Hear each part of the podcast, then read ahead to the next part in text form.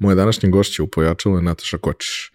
E, njena aktivnost u prethodnih 20 godina su bile vezane za Srpski City klub u Londonu, a otkud ona uopšte tamo i šta se dešavalo ovaj, u ovih 30 godina, koliko je tamo, čućete u ovoj epizodi. Ona je jedan od onih ljudi koji okuplja oko sebe ljude i onda zajedno rade neverovatne stvari i to je možda najvrednija stvar koju ćete poneti iz ovog podcasta. Ali mislim da je dobro da ga poslušate svakako jer će vam a, demistifikovati neke stvari, objasniti vam možda iz vizure neko ko je više od 30 godina u Britaniji i nije tamo otišao da ostane trajno, ali je ipak ostao, kako je tamo, šta se tamo promenilo, kako je ovde i kako ovo ovde izgleda nekome ko je ipak malo sa strane. Uživajte. Realizaciju ove epizode pojačala podržala je kompanija Epson. Epson je već više od 20 godina vodeći svetski proizvođač projektora i štampača za sve namene od onih kućnih do profesionalnih. Posebno vam skrećemo pažnju na aktualnu ponudu Epson Business štampača.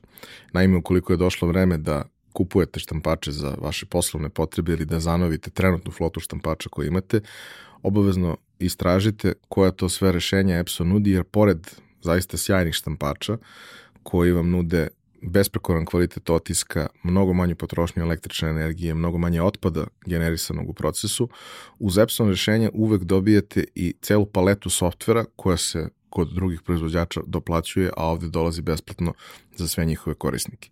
Za više informacija pogledajte businessprint.com, piše se onako kako se izgovara. Hvala vam. Imam još jednu važnu već za vas. Naime, od 1. maja sa krugom prijatelja radim na projektu naša mreža.rs. To je jedno jako zanimljivo mesto za svakog ko je preduzetnik ili razmišlja da to postane. Mesto gde svaki dan izlaze neki interesantni korisni tekstovi, a jednom nedeljno predstavljamo neki zanimljiv mali biznis. Takođe, svakog meseca radimo veliki intervju sa nekim od zanimljivih ljudi sa, sa ovog tržišta, nekim od ljudi koji su lideri u, u onome što rade, pa tako, evo, prvog meseca imamo Slavimira Stojanovića Futra. Uživajte, informišite se i pretplatite se na mailing listu ako su vam teme zanimljive, jer onda će vam svake nedelje stizati digest svega toga svakog ponedeljka na mail. Hvala vam.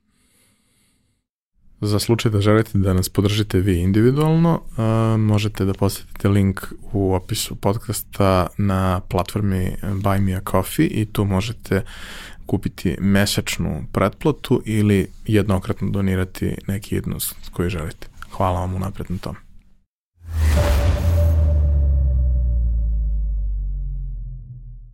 Nataša, dobrodošli. Uh, ti si jedan od gostiju koji ovaj, ima malo drugačiju priču nego što je uobičajeno. E, zbog svega toga nećemo baš da počnemo onako kako obično počinjemo. Mančmelo pitanje će da dođe malo kasnije. Za početak, hajde ti nam objasni e, ko si ti i čime se baviš. Um, hvala Ivane. Uh, ja sam Nataša Kočiš i imam um, dve uloge. Jedna je um, ta da radim u Ministarstvu zdravlja Velike Britanije, a moj hobi i ono čime zaista najviše volim da se bavim je vođenje Srpskog City kluba sa svojim prijateljima a, Jelenom Milošem, Ivanom i Slavjenom. To je neprofitna i nepolitička organizacija koju smo um, registrovali 2004. godine i koja na neki način ima misiju da okuplje naše profesionalce koji žive i rade na ostrvu i um, neka vrsta umrežavanja. Međutim, iako smo srpski city klub, srpski smo samo u imenu, um, zbog načina rada i onoga što pružamo članovima, mi smo zapravo jedna mini Jugoslavija, ali imamo i dosta stranaca, naročito Engleza, koji imaju neke veze sa Srbijom ili žele da uspostave neke veze sa Srbijom, tako da smo mi tu da se nađemo ljudima koji iz Srbije ili drugih zemalja sveta žele da dođu u Veliku Britaniju ili povratnicima koji žele da se vrate u Srbiju i u region. Tako da im pomažemo savjetima, kontaktima i um, na bilo koji način da razjasnimo sliku onoga u što oni žele da se upuste u budućnosti. Pričat ćemo o stvarima koje ste radili i kao klub i pojedinačno vi učestvujući na, na, na raznim projektima i ovde i tamo koji su bili vezani upravo za tu neku vrstu saradnje, izgradnje nekog mosta između mislim malo je, malo je nezahvalno reći mosta između Ostrava i Srbije, ali otprilike da. Ovaj, ali ajde da, da posložimo stvari uh, i da krenemo onim uobičajenim redom. Um, naše mančmelo pitanje, šta je stela budeš kad porasteš? Ha, um, sećam se u prvom razredu osnovne škole da je došao neko da nas pita da sam rekla hoću da budem odbojkašica. A, odbojkom se bavim amaterski i dalje, volim je, mada sam rukomet trenirala godinama, a moj tata je bio veliki ljubitelj naučne fantastike, tako da sam ja um, vrlo rano se upustila u svet Artura Clarka i Dušana Belče i moj heroj je bio Mark Sillard, um, to je avanture Marka Sillarda i ja sam bila opsednuta time da ja stalno moram da idem negde, da, da putujem uh, negde. Um, ali sam takođe volila knjigu Harijetu Uhoda. To je bila jedna devojčica koja volila da špionira svoje prijatelje i onda sam ja se pela na terase svojih prijatelja i pisala na terasi vi ste večeras večerali pohovanu piletinu, recimo. Potpuno onako blesavo. Um, Međutim, uh, s druge strane sam jako volila da, da radim sa ljudima i sa decom i već 17 godina sam počela da volontiram u Zvečanskoj i bila sam pionirski pred, uh, predvodnik, kako su to bili ovaj, naslovi i um, zapravo nikad nisam razlučila šta je to što želim da budem kad porastem. Možda i danas, danas ne znam, ali ono što jeste uvek bila glavna slika da i dalje volim avanturu, obožavam da putujem, obožavam neobične stvari i jako puno volim da radim sa ljudima, što je na neki način i dovelo do toga da se ja uključim u rad Srpskog City kluba. A kaži mi, ovaj, to sve što si sad pomenula su suštinski da kažemo neke neformalne, van nastavne i slične stvari. A šta se dešava kada je u pitanju škola i to neko profilisanje kroz uh mhm. -huh. ceo taj sistem gde si izložen gomili nekih informacija, senzacija, znanja, oblasti? Um, iskreno nikada nisam mogla da odlučim šta hoću da budem kad porastem i kada sam završavala osnovnu školu, um, pošto nisam mogla da se odlučim šta je to što zapravo želim da budem, ja sam upisala gimnaziju jer sam sebi kupila četiri godine da razmišljam.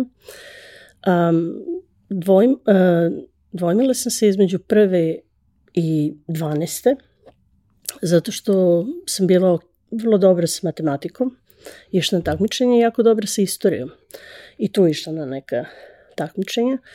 Ne sa nekim ogromnim uspesima, ali prosto su me zanimale i društvene i prirodne um, nauke relativno slično ali um, sam na kraju ipak otišla u 12. jer mislim da sam u prirodi ipak društvenjak sa nekom logikom koja me vodi kroz čitav život. E, kada sam završila 12. nisam znala šta ću da upišem, jer sam htjela da studiram i psihologiju, i filozofiju, i arheologiju, i istoriju, i jezike, i već, ne znam, liste bila toliko dugačka da je moj jako pametni tata rekao, a zašto ti ne bi otišla na godinu dana, negde, da odlučiš šta je to što ti hoćeš, pa kada odlučiš da se time zapravo baviš. I tako je došlo do toga da sam ja otišla u Veliku Britaniju da čuvam decu, klasično oper priča. Um, ideja je bila da odem na šest meseci, um, međutim kada sam stigla porodica koju sam otišla me zamolila da ostanem barem godinu dana, zato što su deca imala tada dve i pet godina zbog to nekog kontinuiteta. Ja sam u školi učila ruski i engleski i ruski sam odlično govorila, engleski sam isto solidno govorila, ali sam htjela da ga usavršim da bude na istom nivou. Međutim, ja sam otišla u decembru 92.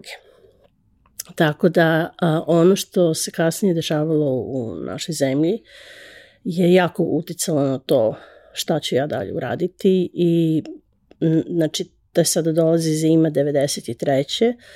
Na ekranima um, BBC-a naročito su bile scene koje su meni bile potpuno nepojmljive. Um, ja sad ne znam da li sam ja to tako zapamtila jer je toliko bilo strašno. Samo sećam da je to bio neki kamion iz kog su bacili hleb ljudima, jer ljudi nisu imali šta da jedu i ja nisam mogla to da spojim sa zemljom iz koje sam otišla.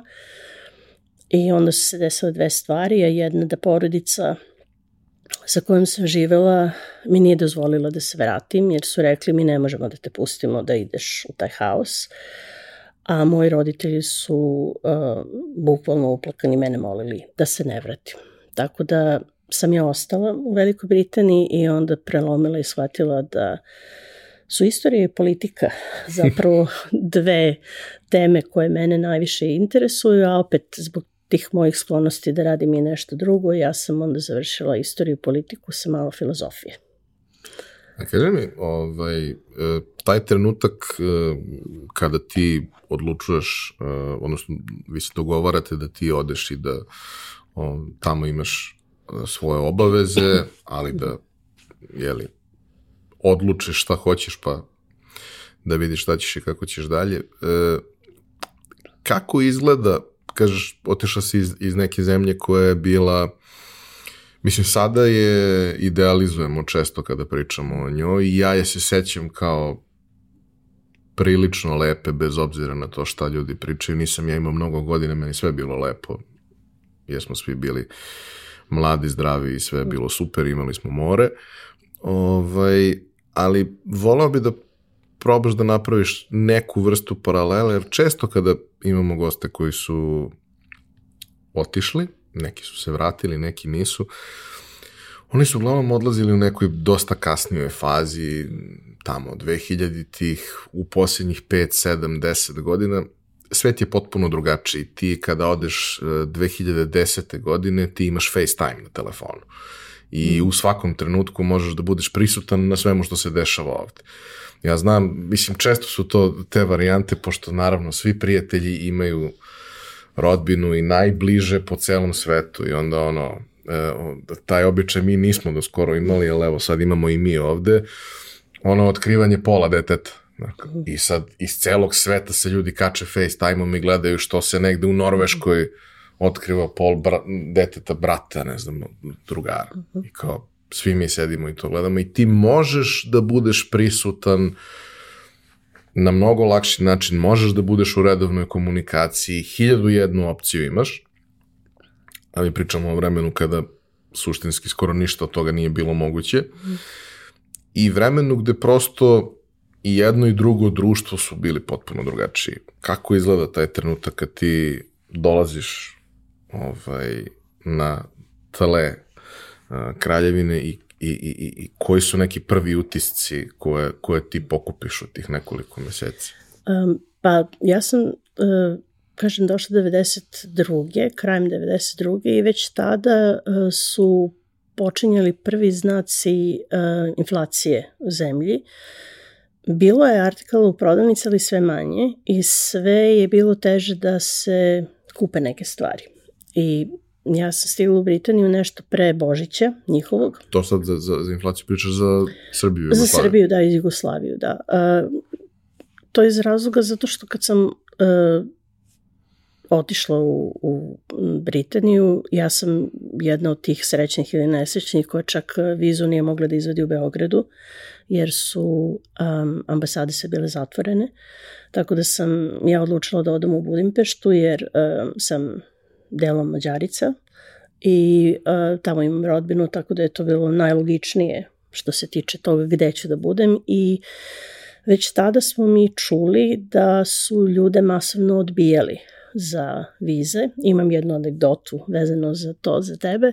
Um, ja sam otišla um, 20. decembra iz Beograda i uh, moje putovanje je trebalo da bude autobusom cepterovim autobusom od Slavije do Budimpešte.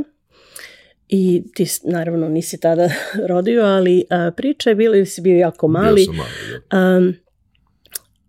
Tadašnja mađarska vlada je rekla da ukoliko Milošević pobedi, oni će zatvoriti granice. Međutim, oni su granice zatvorili bez obzira. Znači u pet ujutru mi smo na Slaviji za svaki slučaj, za svaki slučaj i dobijamo informaciju da e, motorna vozila ne mogu da pređu granicu. I uh, agencija preko koje sam ja išla um, i išla da budem oper, oni su se to organizovali tako da su oni nas sve potrpali u voz. Tako da sam ja imala priliku da zapravo ni ne stignem da se pozdravim sa svojim roditeljama kako treba, to nije bilo onih mučnih, teških scena koje su mnogi drugi ljudi imali. Niti sam ja tada znala, niti su oni znali da se jedno nekoliko godina sigurno nećemo videti, da će se desiti sve što se desilo i što je meni mama govorila, pustila sam te kopile u maglu, otprilike. A ja sa 19 godina, prvo užasno naivna, puna sebe, sve ja znam, jel te, sve ja mogu, zapravo nisam ni bila svesna šta se dešava. A, onda smo došli do granice i sa naše strane smo stali neko vreme i pustili su voz, e onda su sa mađarske strane stali mnogo duže i pola voza su izbacili napolje. I ljudi su se vraćali nazad Srbiju, to jest Jugoslaviju. E, pošto smo čuli da će um, biti potencijalno odbijanje viza, ja sam kupila kartu recimo za sredu, Ja zakazano u ambasadi mi je bilo u ponedeljak, jer sam razmišljala ukoliko me odbiju da imam jedan, dva dana da se žalim. Um, I kada sam došla u ambasadu, oni su primili sve moje papire i onda sam se ja nešto prebrojala, nisam imala dovoljno forinti i onda su mi rekli samo da idem da zamenim. I kad sam se vratila, odmah su mi vratili pasoš i rekli bon voyage. Znaš, sam bila potpuno zbunjena jer sam bila šta, znači odbili ste me, oni kao ne, ne, ne, dobili ste vizu. Navodno tog dana sam bila jedna od dve osobe koje su dobili vizu. Ja i dan danas mislim da je to zbog mog mađarskog prezimena. Ove, nemam drugo objašnjenje jer neki drugi ljudi koji su bili tu sa mnom iz istih razloga nisu dobili vizu tog dana, dobili su dan kasnije. Um, tako da, eto, ne znam, bila je jedna čudna atmosfera i onda sam stigla 23. decembra u Britaniju i tu me dočekala porodica. Ja nisam ni znala kako izgledaju jer smo jako brzo uh, se dogovorili, trebalo bude jedna, pa je bila druga i sačeka me crnkinja koja je napisala moje ime žutim kreonom. I naravno to nisam mogla da pročitam dok smo se našli, mada je ona bila udeta za belca, dvoje predivne dece, s njima sam i dalje u kontaktu. Um, I onda smo otišli u Tesku, veliku prodavnicu, mm -hmm. i ja sam pala u nesvest. Ja nisam mogla da verujem šta sve ima i nisam mogla da verujem da postoji, ne znam, 20 vrsta belih čokolada. I onda sam išla i bukvalno uzimala od svake po jednu i onda me gledala, si ti okej? Okay? Pa rekao, pa šta ako nestane? I ona gleda kako misliš šta ako nestane, pa oni će kao sutra doneti novo. Ja sam gledala kako, kako misliš sutra će da... Da, jer e, nisam imala uopšte predstavu da to može tako. Zbog, jer meni je bilo normalno da nema stvari, meni je bilo normalno da mi na bonove kupujemo stvari, meni je bilo normalno par nepar, um, jer smo tako odrastali kad su bile nestašice ulja, šećera i tako dalje. I sad jednom se suočavaš sa obiljem svega i ne znam šta ću pre i naravno posle dva dana mi bude muka jer ne mogu više da jedem sve to i onda shvatam da zapravo to jeste tako um, i da je to normalno i da to može da bude tako. To je bilo vreme kada nije bilo interneta. Ja sam sa svojima uspela da se čujem jednom nedeljno jer je bilo jako skupo zvati. Um, sa par prijatelja, pa čak i sa tatom sam se dopisivala pismima. Ja ta pisma i danas čuvam uh, kao podsjetnik na jedno vreme, nestalo vreme i toliko su mi draga ta pisma jer su mi nekako iskrenije nego bilo koje poruke danas koje šaljem bratu jer naravno možemo da se čuvamo istog momenta i da se vidimo u istom trenutku. Ali um, ta pisma su za mene uh, bila jedno, ne znam nikako da objasnim, takva radost bila svaki put kad bi dobila, pa je moja drugarica koja mi je godinama pisala, pravila razne koverte iz novina, pa sam mogla eto da vidim jel te, šta se dešava i kod kuće i um, nije bilo mogućnosti da čujete neke druge vesti, sve što sam mogla da vidim je bilo šta su Britanci prikazivali a, u toku ranih 90-ih slika Srbije i ljudi iz Srbije je bila jako loša um, i čak u jednom trenutku kada sam prestala da radim sa porodicom, sam se preselila u London, uspela da upišem fakultet i krenula da radim u restoranu da bih mogla da otplatim jel te školu, jer moji nisu mogli da mi plate ništa. Um, I u jednom trenutku se sećam samo da sam u restoranu krenula da se predstavljam kao ruskinja, jer nisam imala snage više da objašnjavam da nisu svi Srbi ubice, da mi nismo najgori ljudi na svetu i da zapravo i mi patimo. I pošto je moje ime dosta rusko i oni su svakako uvek mislili da ja sam ruskinja, ruski sam dobro pričala, nije bio problem da kažem da se tako provučem. Um, naravno vremenom čovek malo i, i ojača, ali je bilo jako teško biti iz Srbije u tom trenutku u Velikoj Britaniji, a meni lično je bilo um, jako teško da prihvatim novu realnost, jer um, i pričali smo malo o tome, raspad Jugoslavije za mene nije bio samo raspad zemlje, to je bio potpuni raspad mog identiteta. Ja sam dete iz mešanog braka, kod nas su tri religije, zastupljene čak tri nacije i ja sam odjednom bila spakovana u jednu kutiju. A, i to nije bilo da ja ne želim da sam Srpkinja ili da ne želim da sam neko iz Srbije, nego jednostavno sam shvatila da odjednom jedan moj drugi identitet se zbija, taj mađarski, a već sam u trećoj zemlji koju pokušavam da se asimiliram i koju pokušavam da stvorim neki svoj život. Tako da je, mi je trebalo jako puno vremena i nekih terapija da se sada potpuno opustim i da budem vrlo srećna osoba koja je rođena u Srbiji, koja ima mađarsko poreklo i koja živi u Britaniji, da su mi sve tri strane potpuno jednake i da nemam problem sa tim ni ko sam, ni šta sam, ni šta zapravo predstavljam. A kaži mi, taj moment, da kažem, ulaska u društvo, Uh, mi imamo ovde svoje predrasude koje su verovatno ovaj, u najvećem procentu slučajeva bazirane na nekim serijama, filmovima, redko na knjigama, pošto poznato da mi baš i ne čitamo previše, ovaj, barem ne ono što, što, što vredi. Uh, kako je taj deo priče izgledao? Zato što prosto ovaj, ti si jako mlada u tom trenutku i dolaziš negde gde nemaš nikog svog. Ok, imaš porodicu kod koje radiš, sa kojom ovaj, funkcionišeš, ali to su neki novi ljudi, a ne može ceo svet da ti bude ta porodica. Um, bilo je jako um, interesantno. Uh, ja kad sam došla u, u Britaniju, u porodicu u kojoj sam bila, uh, oni su naravno im, uh, želeli da ja idem na engleski jer je to bilo jedan od um, uslova da prihvatim čuvanje deca, a prihvatila sam tu porodicu zato što su imali malu decu i nekako sam razmišljala da će mi uz njih biti mnogo, mnogo lakše da, da naučim, a deca su dosta iskrene pa su me stalno ispravljala sećam se da sam govorila pineapple umesto pineapple. Ove, I oni su mi um, rekli da postoji college tu u um, Ameršamu u kojem sam živala, ali i da postoji jedna privatna škola u kojoj je predavala jedna gospođa po standardima Cambridgea, ali gde su dolazile i ljudi iz, um, koji su bili oper u tom mestu i okolnim selima.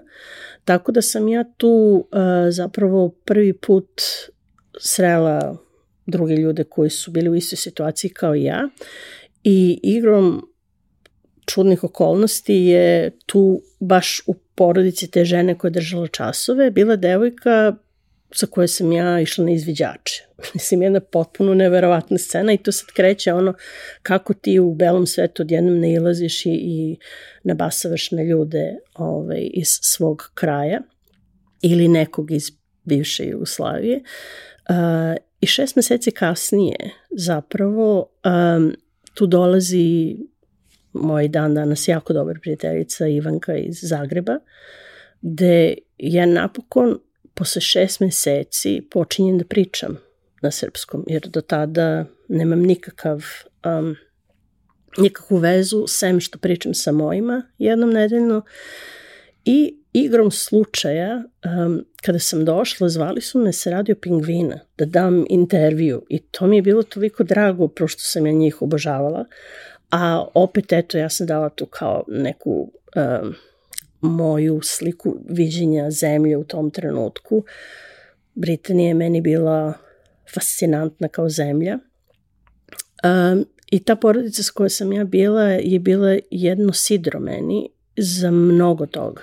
I, I prema meni su se obhodili kao prema članu porodice. Tako da sam od njih dobila fantastične savete. I prvi je bio, ako želiš da budeš deo ovog društva, jer sam ja mislila da su Englezi hladni, mada sa druge strane ja sam englesku viđala kroz prizmu Monty Pythona, ja sam obožavala i dan danas da gledam i Sherlocka Holmesa i Poirot i Alo Alo, tako da mučke naravno, humor mi je bio, da kažemo, ja sam mislila blizak, a sam zapravo sve to razumela tek kad sam tamo otišla. I onda su oni predložili da ja odem u pub, neki tu koji ima, i da odlazim redovno kako bi ljudi mene polako prihvatili kao lokalca. Isti pub. Isti pub, jer uh, time uh, njima daješ do znanja da dolaziš, često oni te primeta i to se stvarno desilo posle uh, nekoliko meseci su lokalci krenuli da mi se javljaju kada uđem u pub.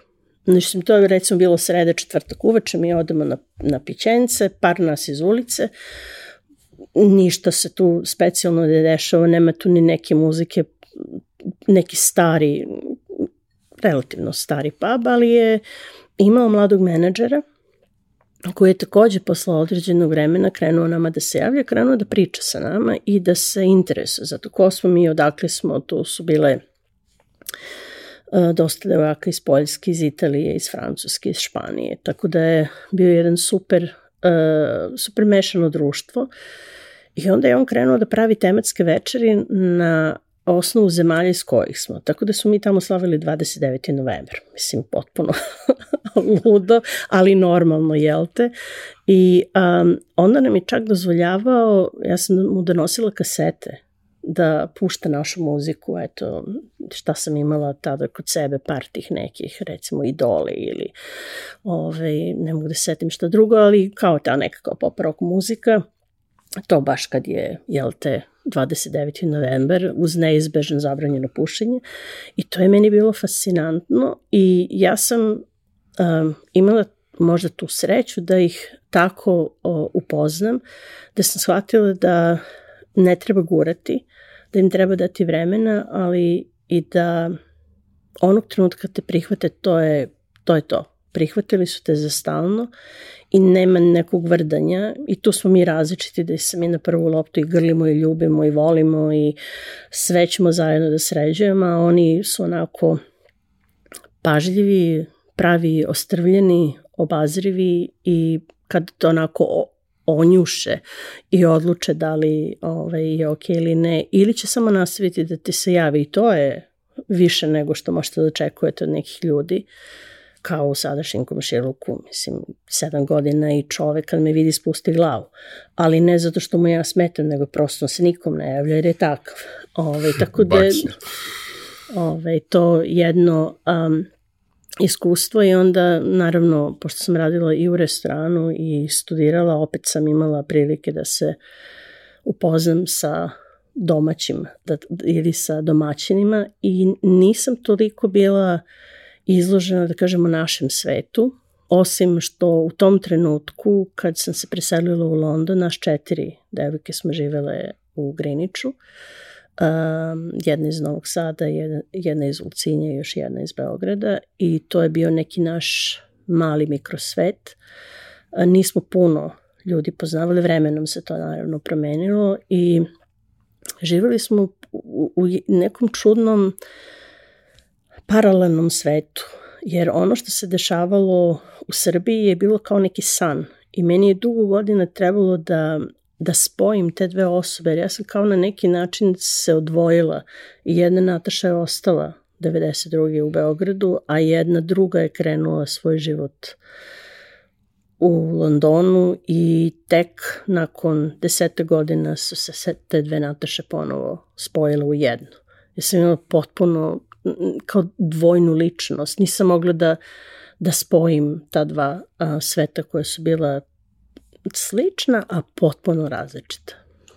E, mislim da je super što si kroz taj proces e, integracije u društvo prošla tako što si bila u porodici koja te je prihvatila u malom mestu gde se ipak verovatno stvari odigravaju lakše i brže i uz možda manje nekog pritiska koji, koji definitivno u velikim gradovima postoji, ali kako je zapravo izgledalo to kada uh, dolaziš u London da živiš i sve ostalo, uh, ili makar da, da studiraš i radiš, pa, pa, pa jeli dolaziš iz Grinča, jer uh, moj prvi odlazak u London je bio za olimpijske igre i mislim dosta je to specifičan mm. trenutak u vremenu i neverovatna neka energija i kolorit i sve to. Ali bio sam ja u Londonu bez olimpijskih igara i, i, i dalje je to jedan od ono, najvećih melting potova na svetu, svega i svačega i 24 sata i najneočekivanijih stvari i svega toga jednostavno možete se svidi ili te se ne svidi, nema što ostavi ravnodušen, ne postoji način i ima toliko toga i gde god da kreneš naići ćeš na nešto što nisi očekivao. Koliko god da si ti naučio na pamet onu mapu sa nacrtanih mhm. tih par nekoliko ovaj, tih um, sajtova koje treba da obiđeš, uh, između njih se dešavaju neverovatne stvari na koje nisi, mhm. koje nisi planirao, koje nisi očekivao. Kako je tebi to bilo? A, pa London je stvarno kao grad iz nekog, uh, iz neke bajke meni, ja se sećam prvi odlazak u London, ja sam imala spisak mesta koje sam htela da a, posetim. Prvo mesto je bilo muzej Sherlocka Holmesa a, na Baker Streetu i to, to je bilo fenomenalno. Ja sam, a, pošto sam mislila tada da ću ostati samo u kratko vreme, trudila se da svakog vikenda koji mi je bio slobodan, odem i da upoznam grad, što je više moguće. Tada nije bilo toliko ljudi na ulicama kao sada. To je recimo jedna ogromna razlika koju vidim 30 godina kasnije, da čak i ponedeljkom uveče su gužve mnogo veće nego što su bile recimo subotom ujutru. Pogotovo Oxford Streetom uh, i starim i novim uh, delom ulice. Bilo je baš kao što kažeš, na svakom ćošku bilo nešto novo i onda odlučim sad ću da idem do Buckinghamske palate i onda pogrešim ulicu i izađem na neki park i kao šta je sad ovo, odakle sad ovo, pa onda ne mogu da nađem posle sledeći put, ne mogu da se setim kako sam se izgubila ili nisam. I bilo je um,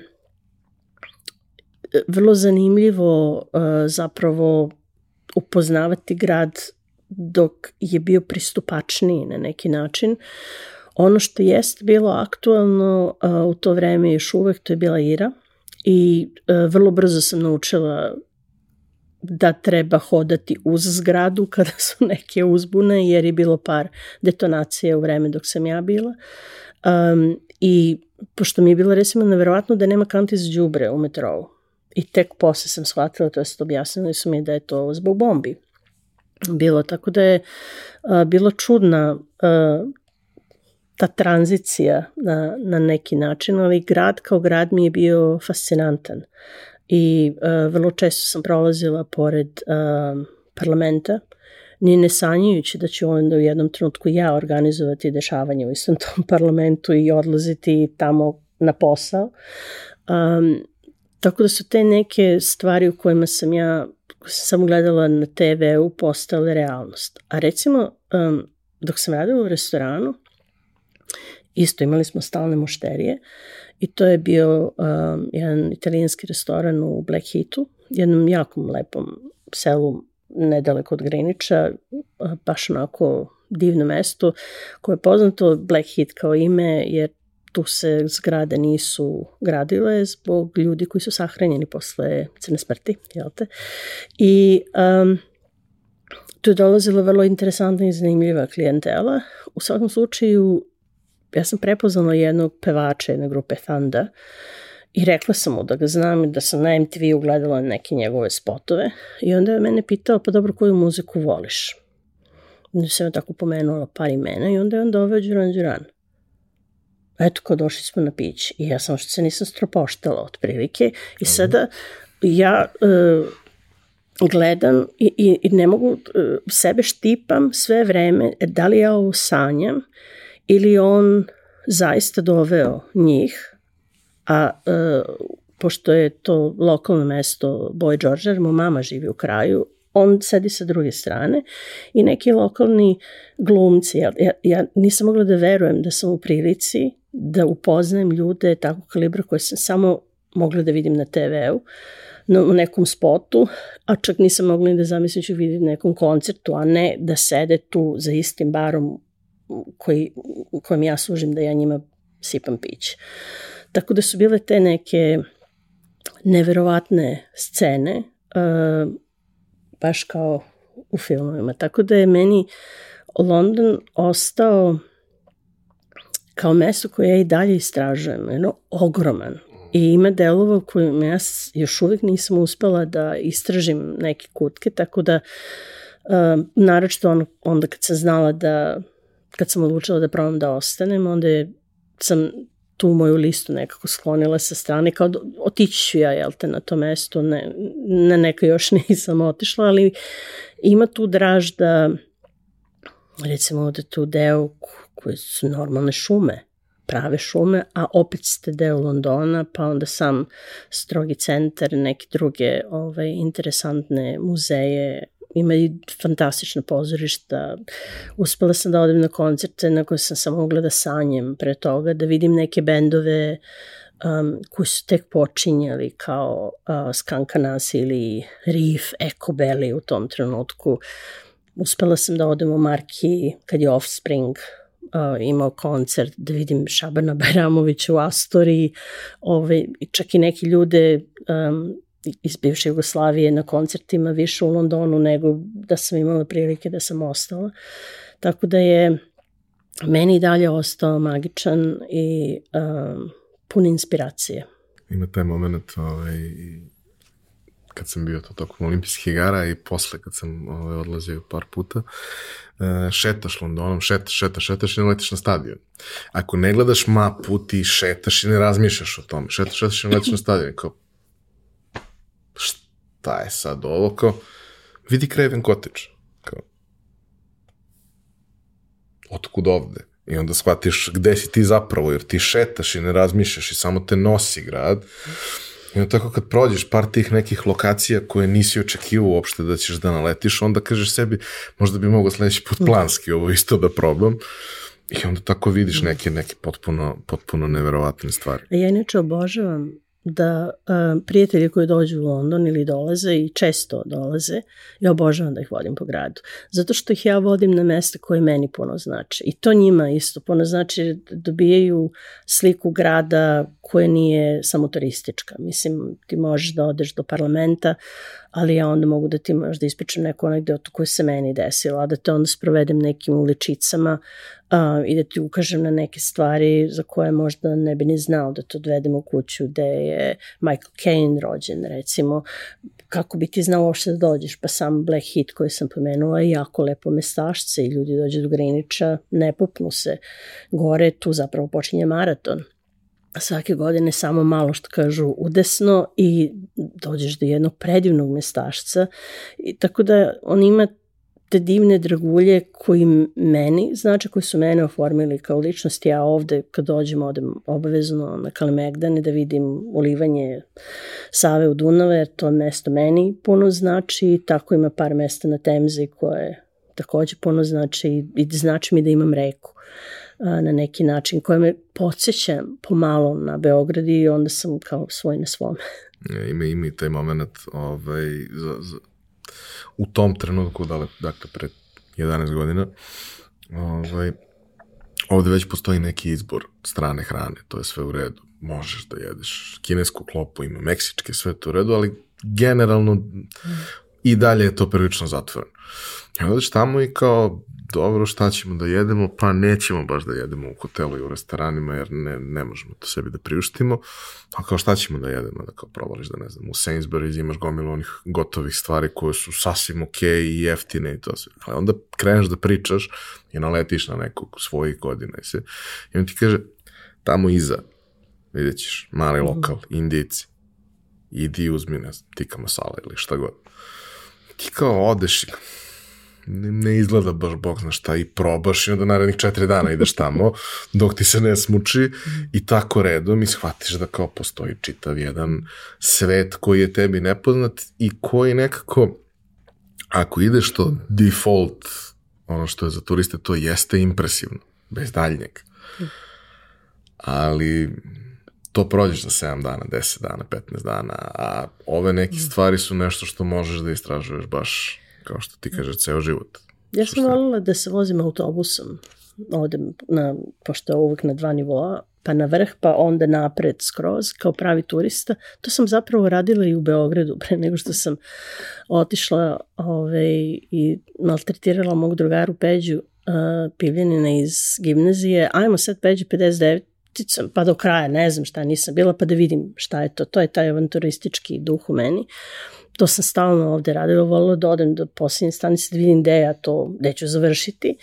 Um, I to sam radila po Londonu, tako da ja sad dobro London poznam po autobusima. Znam ako se zaglavim u nekom gradu, u nekom delu grada, ako metro zakaže ili tako nešto, znam kako da se snađem. I tako sam ga upoznavala. A ono što mi se sviđa kod Londona je što je dosta nizak grad, mm -hmm. za mhm. razliku od recimo Njurka u kome se osjećam kao onako mravić zbog zgrada koje su jako visoke. London se čini pristupačnijim, nekako je kao da te poziva da budeš deo njega i ja znam, to je grad koji melje i tamo ili uspeš ili što kažu uh, se slomiš, ali uh, ja nemam, barem ja nisam imala osjećaj da, da me ne želi, ako mogu tako da kažem, nego sam ostala kao grad koji me prihvatio, jer jeste multinacionalan i toliko ima izbora svega, što kažeš, hrane, um, toliko jezika možeš da čuješ, toliko uh, raznih novih stvari možeš da naučiš o tim kulturama živeći pored recimo komšija koji su možda indici ili iz nekog drugog dela sveta prijatelja sa Jamajke koji te nauče kako da praviš određenu hranu i zapravo shvatiš da um, gospođa čije decu sam čuvala, njena majka je došla, oni su došli sa jamajke nekih 50-ih uh, godina. I ona je krenula da kuva i ja sam samo shvatila da je to vrlo slično onome što moja mama kuva. I onda smo tu poređivali neke stvari, naravno njihova hrana malo začinjenija, ali te neke osnovne supe i sve stvari, ja sam rekao, ovo je baš kao što mi pravimo ili neki drugi prijatelji iz uh, Centralnoafričke republike. I bilo mi je fascinantno da takve stvari vidim i da shvatim koliko svet mali zapravo i da, ok, možda imamo drugačije boje kože, drugačije ime, prezime i pričamo o drugačijim akcentima ili jezicima, u suštini smo isti, volimo isto, patimo isto, radujemo se isto. Ovaj, tako da je u tom smislu London meni bio fantastičan jer me prizemio. Ja sam dosta nadmeno otišla u London, bila sam jako, jako nadmena kako samo jedna tinejdžerka iz Beograda može da bude u tim godinama i prizemio me na najlepši mogući način i omogućio me da prihvatim to nešto novo i da izrastem u malo širu osobu. A kaži mi obrazovni sistem, kako je taj deo priče izgledao? Pa, e, pošto sam ja očekivala da ću morati neki ispit da a, položem, to se uopšte nije desilo. Njihov, za jezik? E, e, ne, za fakultet. A, prijemni kao? Prijemni, da. Za jezik sam išla um, na polaganje uh, jezika, eto, to je bilo dobro imati uh, i zapravo pomoglo mi je jer sam um, to mogla da priložim fakultetu kao potvrdu da pričam. A uh, kod njih je uh, sistem takav da ti kada si u srednjoj školi, što oni zovu A-levels, uh, oni imaju ispite negde tu krajem uh, maja, juna meseca i onda oni uh, kažu fakultetu da oni očekuju da će dobiti određene ocene.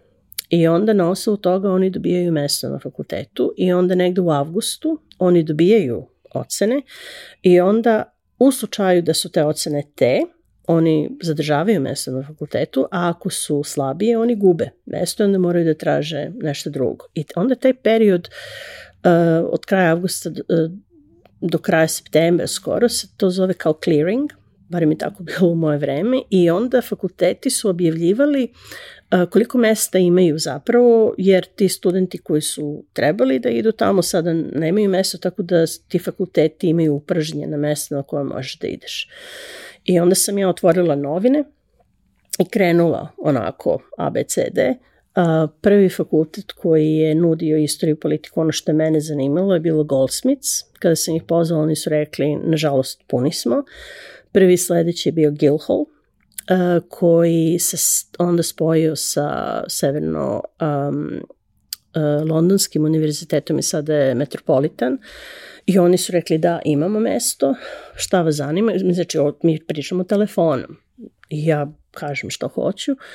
I oni kao odakle si, ja kažem iz Beograda. I on krene da se smeje, jer uh, kod njih obično te A-levels, kako zove, oni 3, 4 do 5 imaju, jer to svaki završeni predmet. A ja sa srednje škole dolazim sa 17 iz gimnazije, znači sve od marksizma preko, mm.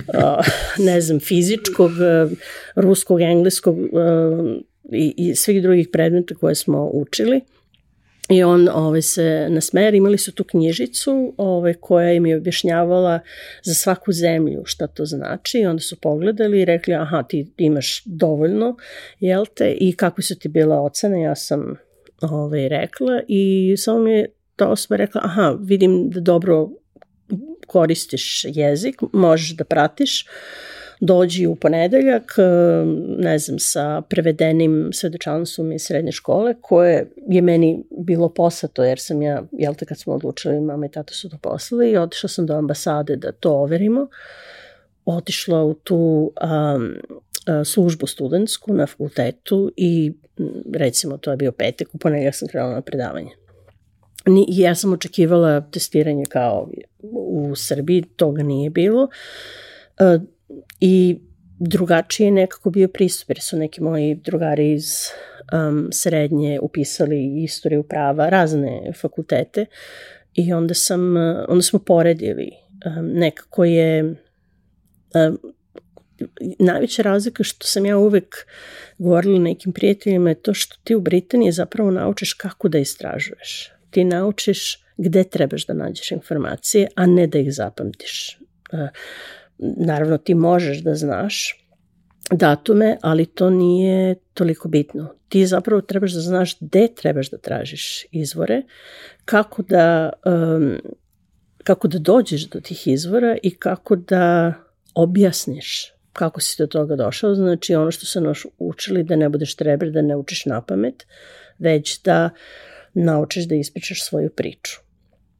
I sećam se kad je bio taj prvi seminarski rad na uh, uvodu za istoriju, um, obrađivali smo Evropu uh, rani 20. vek i sad svako je dobio neku temu da radi ja prijavila da ne budem prva, već druga nedelja, rekao da ja to skinem sa dnevnog reda, ali da vidim kako to neko prvo radi, da dobijem neku smernicu.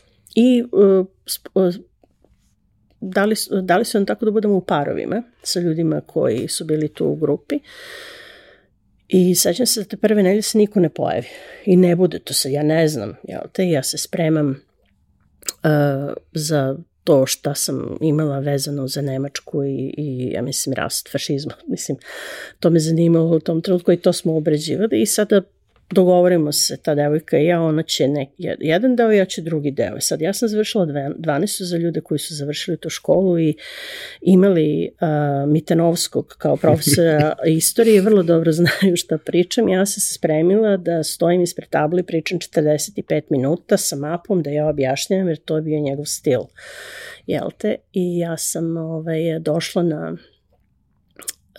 to predavanje, sad ova devojka ustala i pročitala je nešto što je napisala na papiru, posle dva minuta i sela. I ja sad onako, šta ja sad krenem? Ne mogu ja sad vama da pričam, jel te, o ovaj, Hitleru, Istovremeno mi moramo da se vratimo malo unazad, da vidimo uzroke, pa sad, ne znam, ono jedna ameba, dve amebe i tako dalje. Jedan uvod u celu tu priču, pa šta se dešavalo u Italiji, Francuskoj i ne znam drugim zemljama, kako je tu uticalo sve to. I sad vidim da me gledaju svi kao da sam pala s Marsa. I profesor onako zaseo u ovaj fotelju i gleda me. I sad ja se zbunila krene da pravim greška u engleskom, zacrvenala se, jer nemam nikak, nemam osjećaj zašto oni mene tako gledaju, da li zato što ja lupetam ili je nešto drugo u pitanju. I on posle nekih pola sata meni kaže dosta je, jel te? I onda imamo, onda smo imali recimo debatu vezano za temu, jer iako ti nisi imao da recimo održiš predavanje, ti si trebao da dođeš spreman da bi mogao da postaviš pitanja. I to je bilo jako zanimljivo. Ti si u suštini uvijek trebao da budeš spreman na neki način.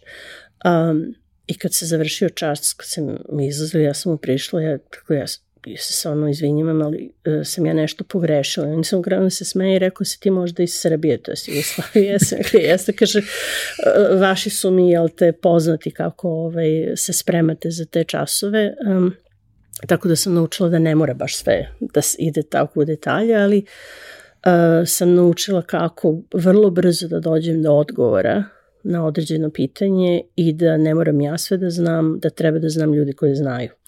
I to mi je poslužilo kasnije i u, u poslu. Tako da mi se svideo taj njihov pristup da ti um, ne moraš da bubaš činjenice, nego trebaš da misliš i da trebaš da znaš kako ćeš te činjenice da iskoristiš ili barem uh, tematiku o kojoj se priča da razumeš dovoljno dobro da bi mogao da um, razgovaraš na bilo koju temu sa bilo kim. E, ja sam bio jedan od onih koji su znali manje više sve što pročitaju zapamte, barem kratkoročno, srednjoročno. Mm I najveći problem koji sam ja zapravo imao je što nije postojala nikakva sinteza između stvari koje smo učili. Ja sam znao fragmentarno pojedinačno stvari Uh, i, i bio mi je jako veliki problem, ja sam to posle uspeo da, da nekako poslužim sebi, ali znam da jako mnogo ljudi to nikada nije uspeo da uradi. Taj moment gde ok, mi pričamo o nečemu što se dešava kroz vreme i mi smo učili šta je bilo u Francuskoj, pad Bastilje i sve ostalo. I onda te neko pita, a šta se tad dešavalo u Nemačkoj, ti nemaš pojma. Kad te pita, ispričaj mi šta je bilo u Nemačkoj u nekom kontekstu, ti onda sedneš i pričaš ono što ti je bila ta lekcija, ali ti nisi te stvari imao međusobno povezane. Ti ne možeš da povučeš liniju između toga šta se dešava u Nemačkoj, Srbiji, Francuskoj, nije bitno, Americi u tom trenutku. Ti znaš te stvari pojedinačno, ali niko ti ih nije složio. Kao što ti niko nije složio, ono, ti, ti znaš, mislim, to, to su one stare, stare priče, e, broj ovaca u Australiji, ali ne znaš zašto ih ima toliko. Ti znaš tako gomilu nekih činjenica, ko je to pamtio, ko ima mozak takav da ne može da zaboravi takve gluposti, ali ne umeš da, da shvatiš zašto je to tako i kako se to onda odražava na neke druge stvari. Šta je tome prethodilo? Nemaš kontekst. Za mnoge stvari nemaš kontekst. I mislim da je zapravo u onom starom sistemu obrazovanja koji se nije mnogo promenio za ovih 30 godina, mislim da je to možda najveći, najveći problem ovog ovde. Da je tebi ostavljeno da se snađeš sa svim tim podacima a mi ne umemo tako, tako nešto. To je da jedino Mitanovski nama radio iz istorije i to je, uh, ja sam bila, uh, mislim, četvrta jedan, uh, u četvrtom dva mislim da je bila jedna druga devojka koja isto imala mađarsko prezime, on je nas dve stalno mešao. I, ove, ali ja sam znala ako se radi bilo šta vezano za Mađarsku da ću ja to pitanje dobiti. Mislim, kočiš, ajde i onda, i onda kaže Nemačka, 1928. Nemačka, Italija, Francuska uporedi. Kod njega nije moglo da se buba. I to je e, meni bila odlična osnova za uh, kasnije školovanje u Britaniji i njihov pristup. Uh, to je bio samo jedan predmet u Srbiji koji je tako pristupao stvarima. Barem onog čega se ja sećam za neka druga, baš to što kažeš, bilo je dosta učenja činjenica koje ne možeš da povežeš. A to je, um, ovo govorim da, da sam imala veliku sreću da sam osnovno i srednjoškolsko obrazovanje imala u Srbiji, jer sam uh, pokupila jako puno činjenica, a onda su me Britanci naučili šta sa njima da radim. I to je bio fantastičan spoj za mene i uh, koristilo mi je i koristi mi i dalje uh, u životu. A kaži mi, uh, kako ti otprilike shvataš šta ćeš da radiš, kako ćeš da radiš. Dobro, znam šta si tela budeš kad porastiš, ali ovaj, sada si deo zapravo tog sistema mm -hmm.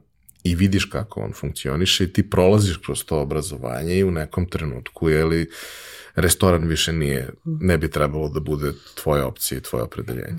Pa, um, restoran je bio odlična platforma i naravno omogućuje mi da platim školovanje i tu sam zapravo naučila neke jako važne lekcije vezane za međuljudske odnose. Tako da taj restoran meni uh, jeste pružio odličnu ovaj, osnovu, ali je bila velika frustracija. Zato što sam je radila 40 sati nedeljno, plus studiranje i mislim treba da se pripremiš za ispit, trebaš da si zapravo spreman i još si dovoljno mlad da hoćeš da izlaziš.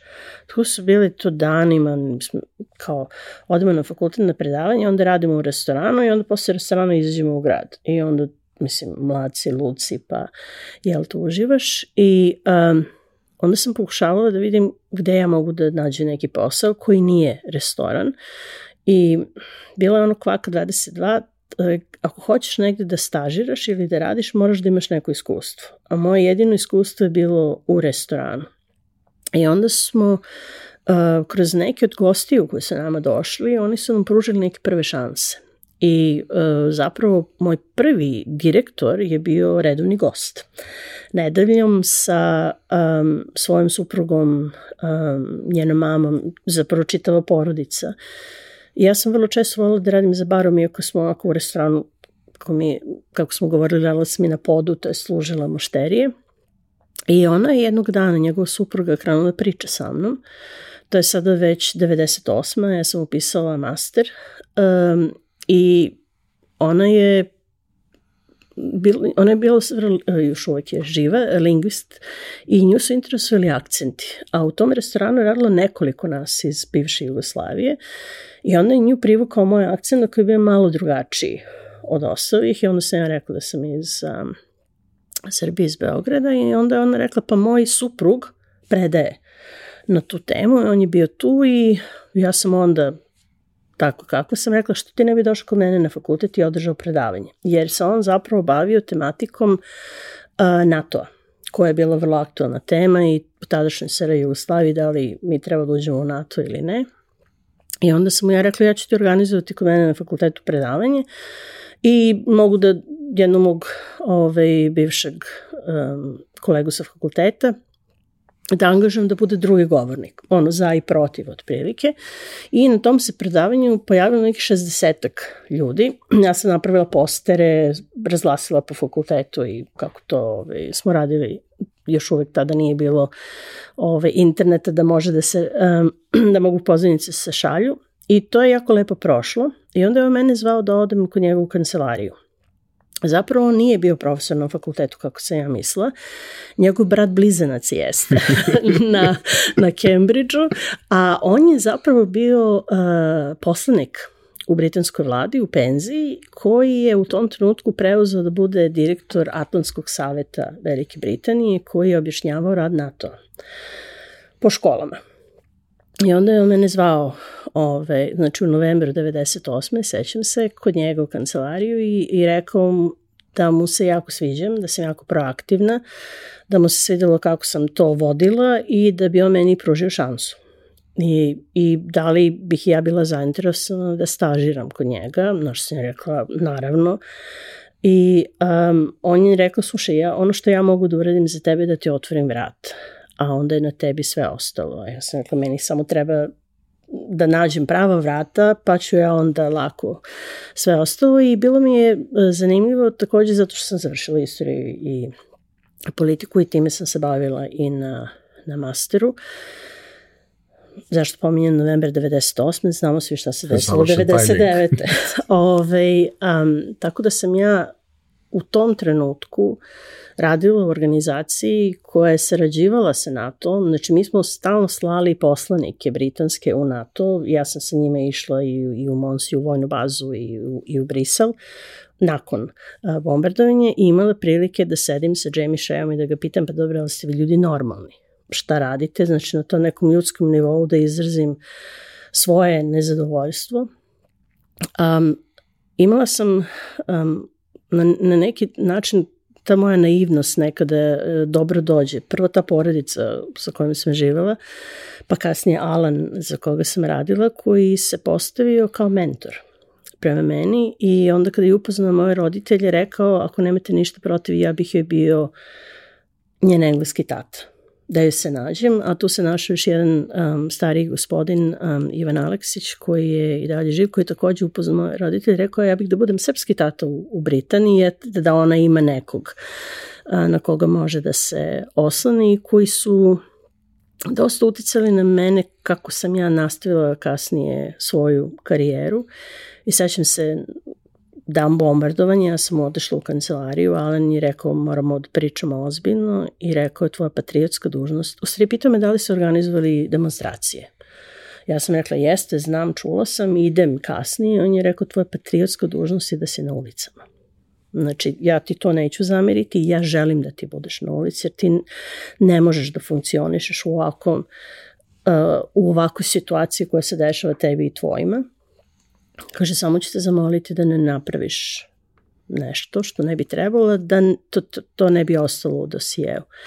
I onda je rekao, sad ću ti reći šta Britanci rade da preneseš svojoj grupi, da znaju. I onda smo otišli na to mesto preko puta Downing Streeta, bio si, to je mesto gde ti organizuješ, ti najaviš demonstracije policiji i mi smo bili tamo svih 78 dana I onda je rekao, vidiš, sa onog prozora će da vas fotografišu, to je najnormalnija stvar i zato se to ovde organizuje, jer onda oni to rade da bi imali upravo to, tamo vas snimaju, a ovde su mikrofoni. Kad sam ja to rekla jednom delu, onda su me pro, ovaj, proglasili špijunom, pa to Henrietta Uhoda je jel te, se ponovila, ali vrlo brzo su shvatili da ipak nisam, tako da sam imala uh, E, to je bilo prvi od dva puta u životu da sam radila nešto, um, da sam bila u žiži nečega što je baš važno, drugi put uh, Brexit u okviru ministarstva.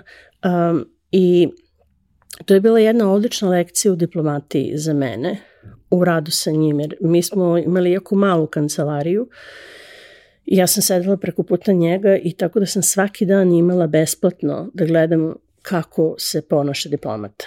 On je bio i ministar u vladi i ambasador pri UN-u, tako da je imao neverovatno iskustvo, neverovatne kontakte i zaista opet se pre meni, pre meni ponao kao prema svojoj čerki.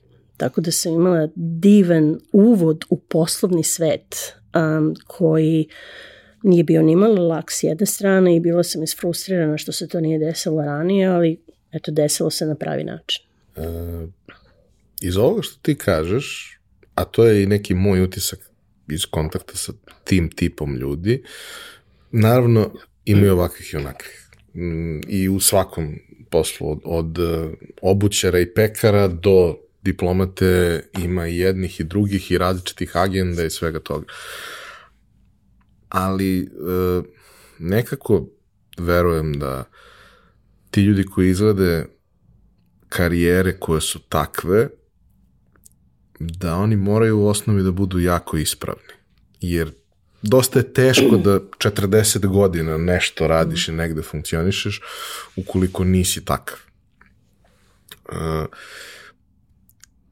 biti ispravan i biti u nekoj situaciji koja je potpuno suluda i koju koja se dešava mimo tebe. Ne možeš ti na mhm. svaku od tih stvari da utičeš, ti možeš da imaš mišljenje i ti s jedne strane imaš jednu vrstu obaveza, u unutrašnjem imaš drugu vrstu obaveza, možda negde neku treću.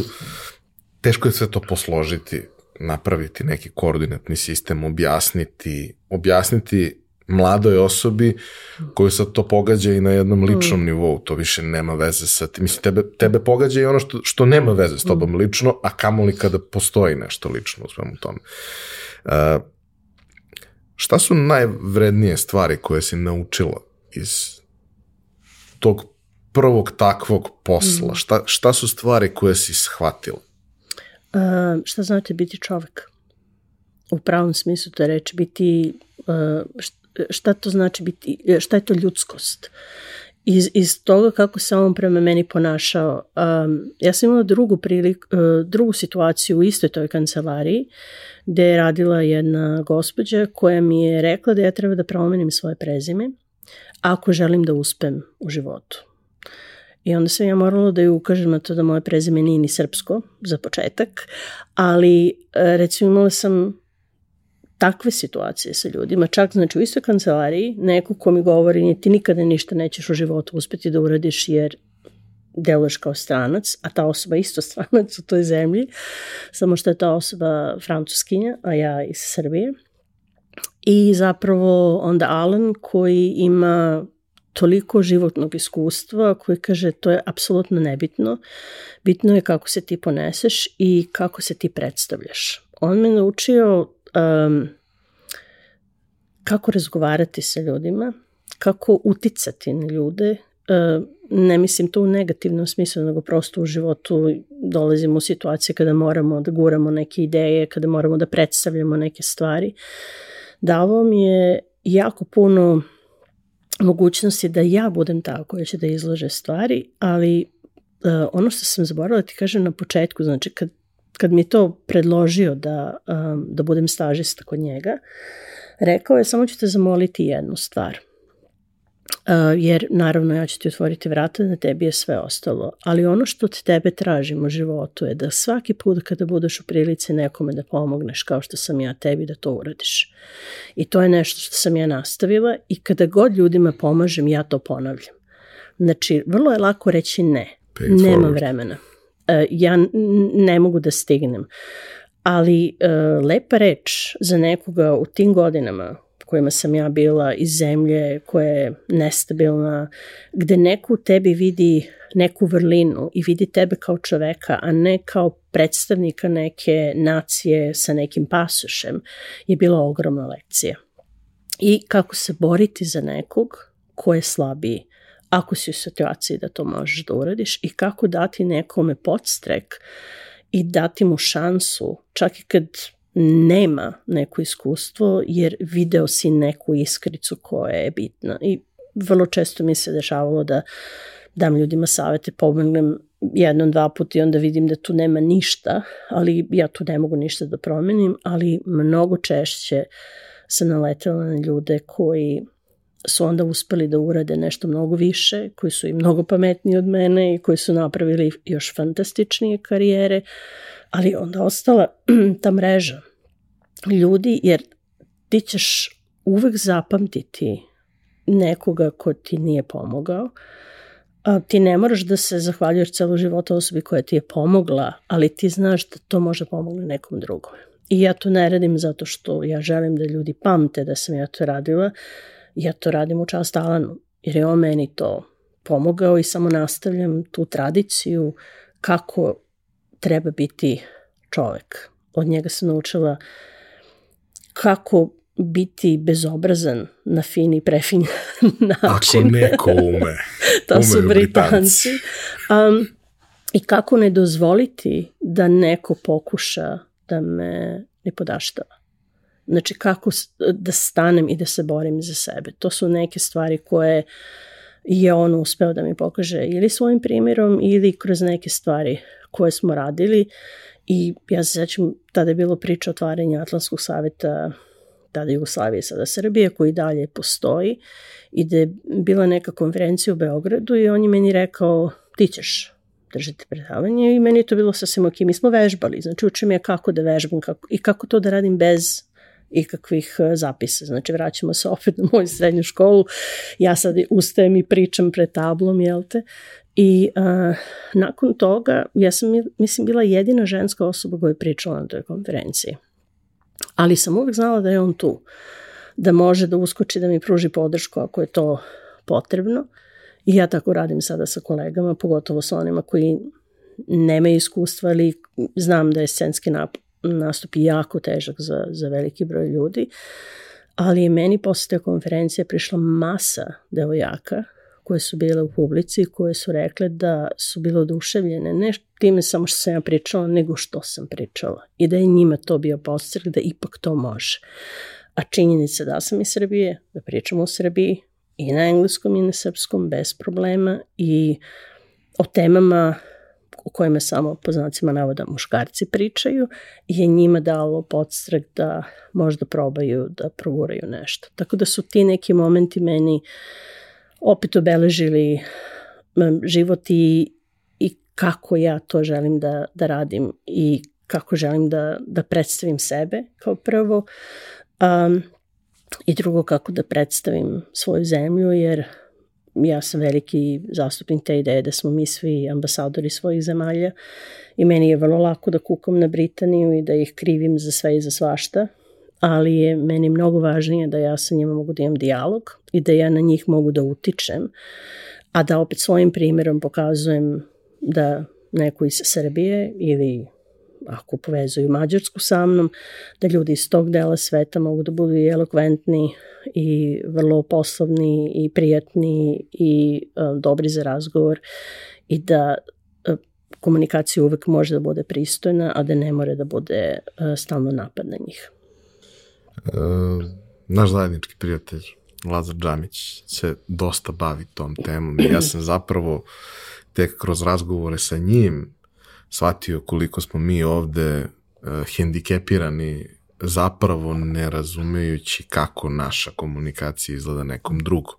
Kako ona izgleda između nas, to je ono što je ovde normalno uobičajeno. Ti ovde da se ponašaš drugačije, bilo bi vrlo teško, verovatno bi bio ili izopšten ili bi bio čudak, što u principu meni nije baš neko strano, ali ne bi bilo prirodno, ne bi moglo da funkcioniš. Ali onda kada odeš tamo, i to, to mi je bila jako, jako zanimljiva teza i sve, kad je on rekao, mi smo njima užasno agresivni. I sirovi i, i u nekim situacijama je to jako simpatično. Mislim, ti ako si futbaler, to je jako simpatično. Ali ako pokušavaš da napraviš neku promenu u društvu i da utičeš na ljude, uh, ne doživljavaju oni tebe da si ti divljak zato što oni misle da smo mi divljaci, nego zato što je taj način ophođenja i taj način komunikacije nešto što je jednostavno previše sirovo, previše energično i vrlo redko dopre gde treba. Taj način komunikacije aktivira odbrambene mehanizme. Mm kod, kod uh, normalnih ljudi. ovaj, I to mi je potpuno bilo fascinantno, jer naravno Laki to ispriča kroz neki primer. I ti onda u primjeru shvatiš ako od kolega izašao i rekao to je to, pa, pa dobro, šta, šta je problem? E, sad ću ja ti objasnim kako su oni to shvatili i zašto su oni to tako shvatili. I ti gledaš i kažeš, pa dobro, i to je sasvim normalno. Mm -hmm. Znaš, kontekst taj koji je nama vrlo teško da svi čujemo, ok, u tom trenutku ti tamo već duže živiš, ti si asimilovana i na neki način uh, odrasla si sada već i formirala se uz tako nešto. Ali mi kada dođemo, mi nemamo taj osjećaj, nemamo taj moment, mi smo samo nesnađeni. Uh, mislim da to što, što si rekla, ovaj, uh, da to što ti nastavljaš taj dobar uh, način ovaj, otvaranja vrata i preporuka i povezivanja i svega toga, uh, da to nije samo tvoja potreba da nastaviš nešto i odužiš se, nego si ti shvatila da to tako treba. Mm. I da je u suštini to poenta. Da ja najveći problem sa religijom imam iz razloga što ako mi kažeš da nešto ne treba da radim zato što će me sačekati kazna, onda mi to nije to. Ne treba to da radim što ne treba zato što to nije dobro, zato što to nije kako valja, a ne zato što će me neko nekad kazniti, pa nemam devet godina. Mm. Nisam, nije i da još moram da naučim šta se dešava kad pritisneš vruću ringlu. Treba da izgradiš neki sistem koji ti valjda kroz unutrašnje vrednosti kaže možda ovo ne treba ovako, možda ovo nije ovaj, ono što ja želim da, da, da budem, jer ja sam ono što radim, jel, naravno. No, a, u kom trenutku kreće da se formira uopšte e, ideja organizovanog udruživanja i, mm -hmm. i, i networkinga ljudi. Vi ste se svakako bili upućeni jedni na druge i u, u neformalnom smislu, ali kako to izrasta da. u nešto ozbiljnije. Da, to je bio jedan splet okolnosti, zapravo, samo sam da kažem da se ja nisam toliko zanimala Srbijom a, i nije mi toliko zanimalo da uđem u neku um, druženje, osim ljudi sa kojima sam se već družila, do bombardovanja. Bombardovanje je sve promenilo. I um, nekako je ukazalo da meni barem lično je bila kao poruka ipak moram nešto da uradim. Ja ne mogu samo da sedim i da, da dozvoljavam da se neke stvari pričaju o mojoj zemlji na način na kojem se pričaju. U tom trenutku prvo kroz rad sa ljudima sa kojima sam imala prilike da radim i koje sam imala prilike da vidim Znači ja znam da je Jamie Shea jedna od najomreženijih ljudi i osoba u ovoj zemlji.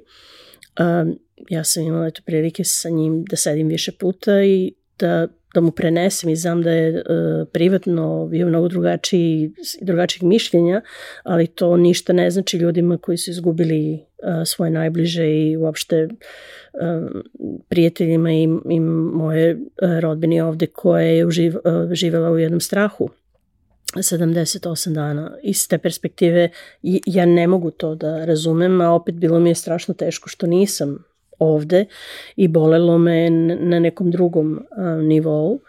I onda sam uh, zapravo tek uh, počela da primećujem kako određene grupe iz zemlje iz koje dolazim pričaju i šta govore i kako razgovaraju sa Britancima. I zato sam pomenula to da Mislim, ja, ja nemam ništa protiv, ne da nemam ništa protiv, mislim da treba da se 24. mart uh, obeleži svake godine, ali ne mislim da treba da se uđe u parlament britanski i da se njima kaže da su oni fašisti. To je za mene bio pogrešan pristup. Ja sam tela sa njima da razgovaram i da vidim kako da do toga nikada više ne dođe i šta će oni da urade da pomognu sada razvoju te zemlje. Znači, ako ja njima pristupim napadom, ja ništa drugo neću dobiti nego možda odbranu koja će mene možda povrediti, a ako im pristupim na tom ljudskom nivou, da im ukažem na emociju uh, i zašto to mene boli i šta to znači za mene i za moje prijatelje, kao što sam imala prilike za vreme uh, demonstracije, jedne večer je došla grupa britanskih vojnika da, da razgovara sa nama i niko nije hteo da priča sa njima. Uh, I oni su bili dosta onako bučni, malo pripiti i on, imali su, ja mislim, neko iskustvo iz Bosne i Hercegovine i sa Kosova, onda možeš misliti ka, u kakvom stanju su došli i bili su agresivni, tipu šta se vi sad ovde došli? Ja sam rekla, pa dobro, a šta vi mislite zašto smo ovde? Pa ne, vi ste ovakvi, vi ste onakvi, jel te? Ja kažem, pa dobro, ove fotografije koje smo ovde stavili, ove, ja mislim, što vi zovete kolateralna šteta, a mi, mislim, ljudi, dece, Samo želim da mu ukažem da je i nama teško, da i nas boli. Ne ulazim u politiku, šta i kako se dešava i da li treba da se dešava, nego i mi smo ljudi, nismo neka čudovišta. Mene isto boli kao što boli i nekog drugog iz neke druge zemlje. Naravno, ne poredim kako je bilo u Bosni i Hercegovini u odnosu na Srbiju, ali uh, bol je bol. I onda su oni smirili na kraju smo se isplakali zajedno i izgrlili i izljubili, ali meni, ja sam tu već videla, aha, znači ovo može. Oni će saslušati. I onda sam uh, zapravo Miloša Stefanovića kolegu prvo upoznala, nas dvoje smo um, živjeli u Britaniji. Um, onda se desio splet okolnosti da su Slavjena Ulf koja je živjela u Australiji, uh, Jelena Akšenicki i Ivan Miletić koji su živjeli u Americi, došli u Britaniju i jednom trenutku smo se mi svi našli, a pre toga smo Miloš i ja se nalazili sa par nekih drugih ljudi jer smo hteli da pokažemo neko drugo lice Srbije a, koje je bilo spremno na razgovor, koje jeste bilo ljuto, ali se opet asimiliralo u društvo i što je uvek kažem Englezima, ja sam vrlo ponosna na to dakle sam, ali sam jako ponosna na to gde sam. Jedna zemlja mi je dala a, osnovu, a druga me nadogradila. I ja ne mogu da sada da, da razlučim i da kažem jedna je bolja ili lošija. Svaka dobra torta ima više sloja. Upravo to. I uh, svaka ima i svoje mane, ali ima i svoje prednosti i jako lepe osobine. I onda zašto mi ne bi tražili te neke lepe osobine i da vidimo šta možemo da uradimo. I zapravo Srpski City klub je svoju priču počeo pre 99. Um, ekipom koju je Miloš uh, okupio uh, ljudi koji su radili u City-u tada i zato jeste uh, City deo imena o tome i uh, posle 2000-ih dosta njih se vratilo u Srbiju uh, pod velikom naletom uh, optimizma da će uspeti nešto da promene. Neki od njih su se ponovo vratili, više se neki nisu vratili u Srbiju. Um, I mi smo želeli da to malo ponovo zaživi. Jelena kad je došla iz Amerike, ona je preuzela kormilo kao jedan odličan administrator i krenula da čisti pravi listu i da najavljuje, mi smo imali to kao druženja svakih 6 do 8 nedelja, eto kao pićence, da se upoznajemo. Um, međutim, velika prekrenica za nas je bila 2008. i finansijska kriza. I kada su ljudi masovno krenuli da gube poslove, a pošto je Jana, to je Slavijana, um, rekruter po struci, ljudi su se nama javljali u neviđenim brojkama i mi smo porasli recimo sa ne znam 150 na 900 ljudi u roku od par meseci. Jer smo mi sa svakim, to je Stijana najviše, sa svakim pojedinačno razgovarali i pokušali da pomognemo da se izvuku iz krize u kojoj su se našli i tada smo zapravo mi došli na ideju da napravimo jednu mini anketu i da pitamo šta ti ljudi zapravo hoće, mislim da vidimo kako mi da usmerimo svoje aktivnosti vezane za njih. I postavili nekoliko pitanja od, od kojih je jedno bilo da li vi razmišljate o povratku u Srbiju i region i ako da u kom vremenskom periodu.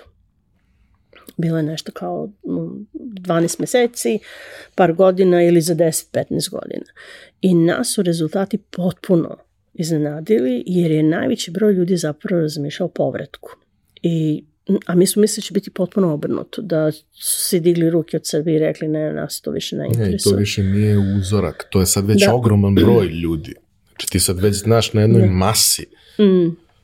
Imali smo ovaj, i tu su se stvorile te tri trećine kako mi volimo da ih um, ovaj, predstavljamo. Znači jedna trećina koje, to su bili generalno ljudi koji su tek došli, ili nisu razmišljali o povratku i njih Srbija nije interesovala. Ja sam jedna od tih.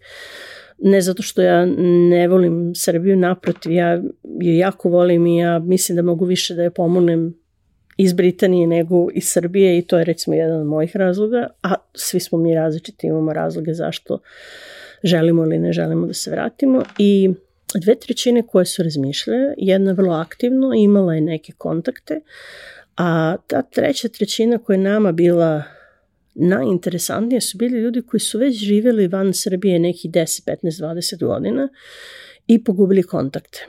I nisu znali odakle da počnu ili nisu bili sigurni i onda smo mi sa njima, eto tako, znali da, da sednemo, da popričamo, da vidimo šta je to što oni zapravo žele, neke čak i da odvrgnemo od ideje povratka jer smo mislili da su razlozi bili pogrešni.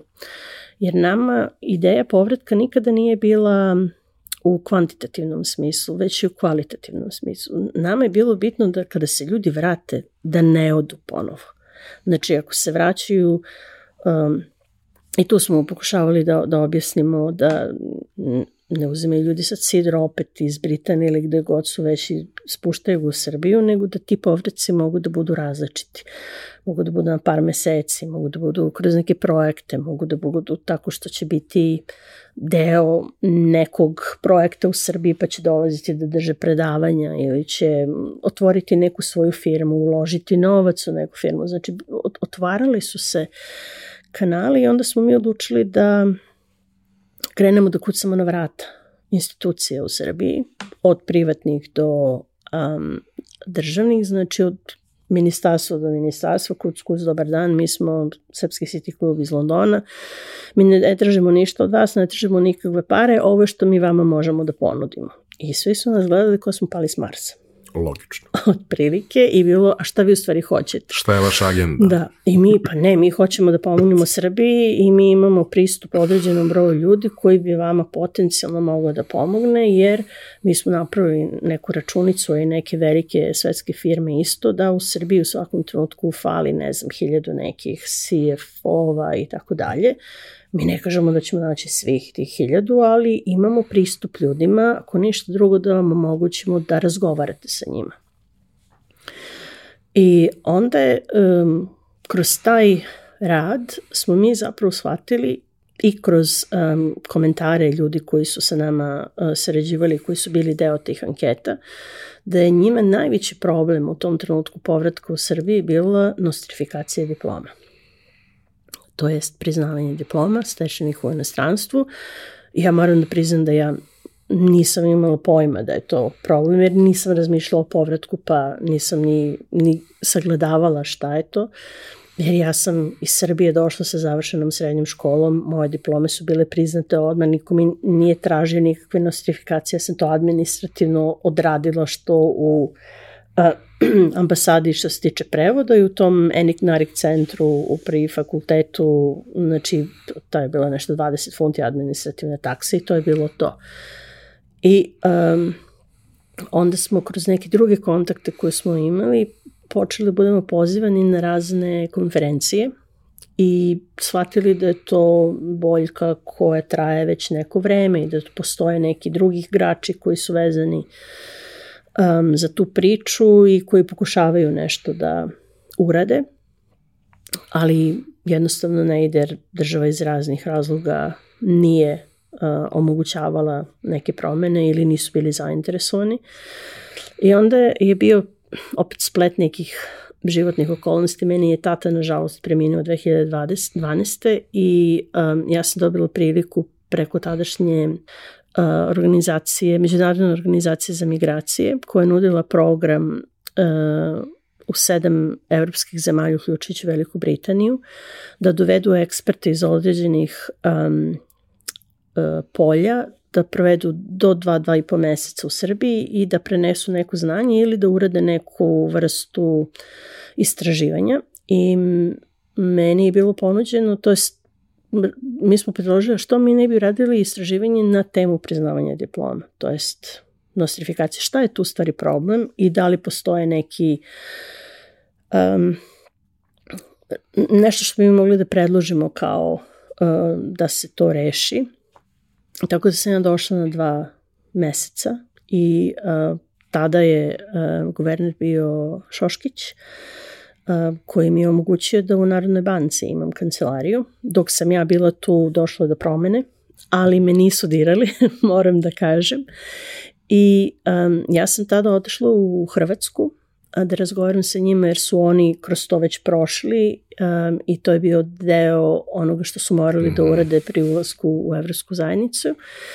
I zbog mog porekla um, sam zapravo pričala sa udruženjem Mađara u Subotici da vidim kako su oni to organizovali za um, građane Srbije mađarske nacionalnosti i sa nekim drugim organizacijama u Srbiji, čisto da, da mogu da uporedim i da vidimo šta možemo da predložimo. Tako da um, tu je bilo jako puno organizacija koje su već radile, ali ono što meni tada bilo neshvatljivo i dan danas mi je neshvatljivo da su svi oni radili isto, ali u izolaciji i da skoro niko ni sa kim nije razgovarao.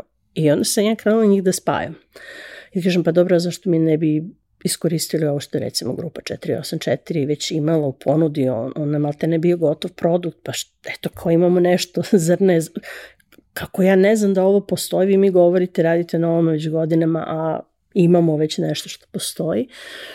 I onda smo uspeli da se udružimo i sa, uz pomoć nekih ljudi na terenu, uključujući pokojnog Miljanka Deretu, pokojnog Dušana Mašića, um, koji su nas povezivali sa ljudima, uh, omogućili raspravu u Skupštini Srbije, ne mi sami naravno, već uz pomoć svih drugih organizacija taj zakon je promenjen. Tako da um, smo mi um, za nestrukovne um, fakultete uspeli da izborimo da ne postoji nostrifikacija, znači poređenje predmeta predmet, već da bude priznavanje diploma stečenih u inostranstvu na osnovu um, toga da li su institucije akreditovane ili ne. I da ta administrativna taksa zaista bude tih nekih 30 ili 40 evra koliko je bila, a ne raspona u to vreme od 500 do 5000 evra u zavisnosti od fakulteta. Uh, I do toga da je bilo ljudi recimo sa Cambridgea koji, i Oxforda koji ne mogu svoje doktorate da nostrifikuju, koji su recimo završili uh, ili završa osnovnu studiju u Beogradu, odu na master u Britaniji i onda ne mogu da upišu doktorat u Beogradu jer im se ne priznaje taj master. Ali tu smo imali velikog um, navijača u liku Michael Davenporta, jer smo njemu predočili uh, da vi znate da Britanija daje achieving stipendije studentima, naročito iz um, javnih ustanova i da oni kad odu u Britaniju završe te fakultet, njima se to ne prizna. Što je on kao, pa to je diplomatski incident. Mi smo rekli da. I onda se i on uključio i onda je um, um, Evropska Zajedno smo mi govorili, mi ćemo ovo svakako morati da uradimo, ali da ne čekamo da nas Evropska unija tera kao što su nam Hrvati rekli iz njihovo iskustva, njima je trajalo preko 10 godina, kao ne morate vi da prolazite kroz agoniju koju smo mi prošli, evo vam savjeti šta da uradite da to ovaj, sprovedete brže. Tako da je to bila jedna velika pobeda svih nas. Um, znam da to nije idealno i dalje kako funkcioniš, ali u odnosu na to kako je bilo, ovo je zaista veliki iskorak i nama bio signal da zapravo mogu stvari da se promene ako postoji volja i ako ste dovoljno tvrdoglavi i ovaj, gurete do kraja, a mi kao klub smo tu videli veliku prednost za ljude iz inostranstva, jer mi ne mislimo da će se svi odmah vratiti i naravno ta diploma i nostrifikacija, to je priznavanje nije potrebno za sve struke, ali zašto imati taj teg da ljudi ne mogu ni da se prijeve potencijalno na um, poslovne oglase ukoliko ne mogu da prilože tako jedan papir, tako da je to bila jedna velika stvar koja je nama dala um, podstrek da, da se angažamo još više i da vidimo koje su sledeće teme, pa počeš i od viza famoznih u Britaniji, sad vidimo ima nova peticija koju smo podržali, da se uh, omogući uh, građanima Srbije da dođu bez vize turistički do 90 dana, ali vidjet ćemo šta će biti. U svakom slučaju je jako bitno imati tu komunikaciju sa parlamentom i ukazivati da to nama ipak smeta, pa do recimo toga kako se glasa u inostranstvu za nas koji imamo pravo i želimo da ga iskoristimo i koliko je to komplikovano i koliko to zapravo košta i Srbiju, a i sve nas, pa do tih nekih drugih ličnih kontakata gde imamo prilike da razgovaramo sa raznim fondacijama, fakultetima, preduzetnicima i pojedincima koji um, žele da uspostave kontakt sa ljudima koji žive u inostranstvu da li sa nama direktno ili sa nekim drugima, jer imamo dosta kontakata po, po celom svetu. Znaš, ja mislim da je, da je jako važno da to postoji kao jedan zajednički napor. Zato što uh, niko zapravo nije svestan toga koliki je to problem ako su to fragmentirani slučajevi, pa da ih je i mnogo, to znači da je taj službenik uh, na koga je neko udario sreo pet takvih slučajeva te godine, ali ima 500 službenika koji su sreli po pet. I onog trenutka kad je to 1000 ljudi, 2000 ljudi, 2000 ljudi koji su među najkvalitetnijima koje imamo i koji mogu najviše da doprinesu, ovaj, onda je to jedan ozbiljan problem koji, koji treba rešiti. A ne postoji racionalan razlog zašto je to problem. Nego jednostavno niko se nije bavio jer naravno nema vremena i uslova da se bavimo svim stvarima. I nije visoko na spisku prioriteta jer ga niko nije pogurao zato što je tako fragmentirano bilo. Mislim, uh, znam nažalost da, da, da kao što si i sama rekla, nisu svi problemi rešeni. Znam da je jedna od prvih stvari koje je ovaj, uh, inicijativa uh, čiji je i, i Lazar bio uh, deo um, Kreativna Srbija, jedna od prvih stvari bila zapravo bavljenje time da u kreativnim industrijama to baš i nije tako rešeno, zato što ne možeš baš ni da ga rešiš, jer ne postoji pandan lokalni, ne može neko da razume da si se ti školovo za nešto što ovde ne postoji. Ali postoji dobra volja i postoji inicijativa i postoji progres i iz iteracije u iteraciju je sve manje loše i lagano ide ka nečemu što, što je dobro za veliku većinu klasičnih uh, studija i, i, i zanimanja koja postoje dugo, to sve funkcioniše jako dobro. Naravno, ima slučajeva i gde uh, su ljudi završavali nešto na fakultetima koji nisu akreditovani ili su izvan onog nekog konvencionalnog sistema obrazovanja, pa to i dalje predstavlja problem. Ali ne možemo da rešimo 100% mm. slučajeva. Nikad. Poenta je samo da onih 97 koje možemo mm. da rešimo, rešimo na što bezbolniji način.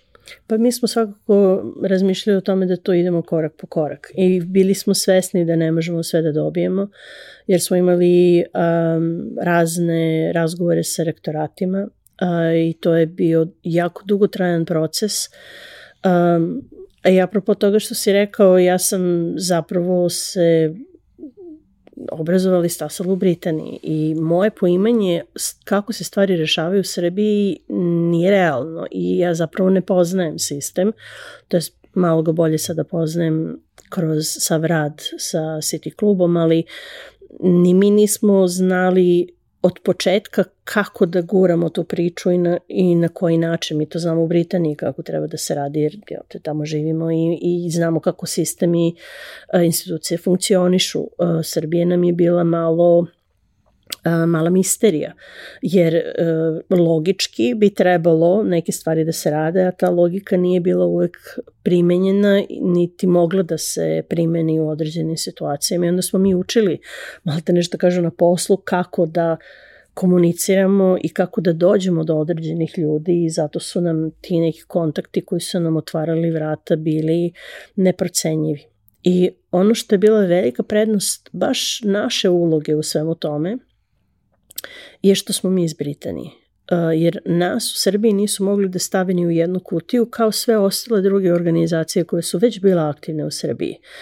I onda je bilo, e sad ne može da s ovima, oni su ljubičasti, ovi su naranđasti, ovi su zeleni ili koje god već epitete su im davali, a nas, sama nama nisu znali šta. Ovi su neki čudni, samo se smeju i dolaze i, i ne traže ništa, nude nešto sad, da li su strani plaćenici ili državni izdanici, još nismo odlučili, ali kao bore se za Srbiju. I pošto nisu mogli u tom nekom političkom smislu da nas obelaže, mi smo vrlo jasno nepolitički iz tih razloga jer svi naši članovi imaju različite mišljenja i ovaj, e, poglede na svet, ali ovo je bila jedna stvar koja je bio projekat koji je vezan za Srbiju koji bi bio dobar za sve ljude i građane Srbije koji žive svugde po svetu, bez obzira da li su u Britaniji, znači neko koji završi fakultet u Čileu ili negde u Singapuru, nebitno, znači da ima istu tu pogodnost, a koja bi opet i Srbiji e,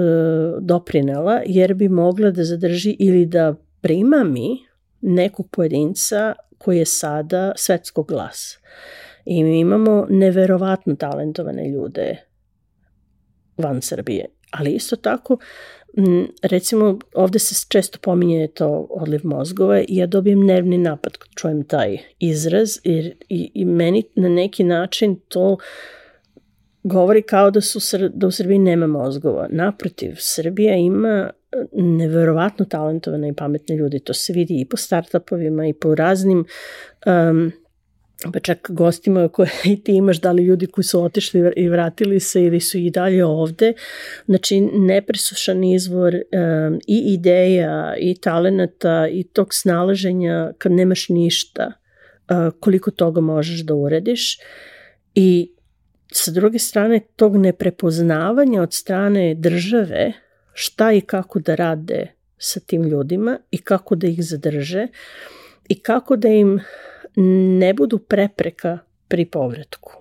I znam da često ljudi kažu pa ne mogu ja tebi da dam platu koju ti imaš u Britaniji. Kažem pa nije poenta plata. Kad ti sagledaš sve i kvalitet života i za možda nešto manje para u Srbiji ti ćeš opet bolje živeti nego sa možda više para u Britaniji.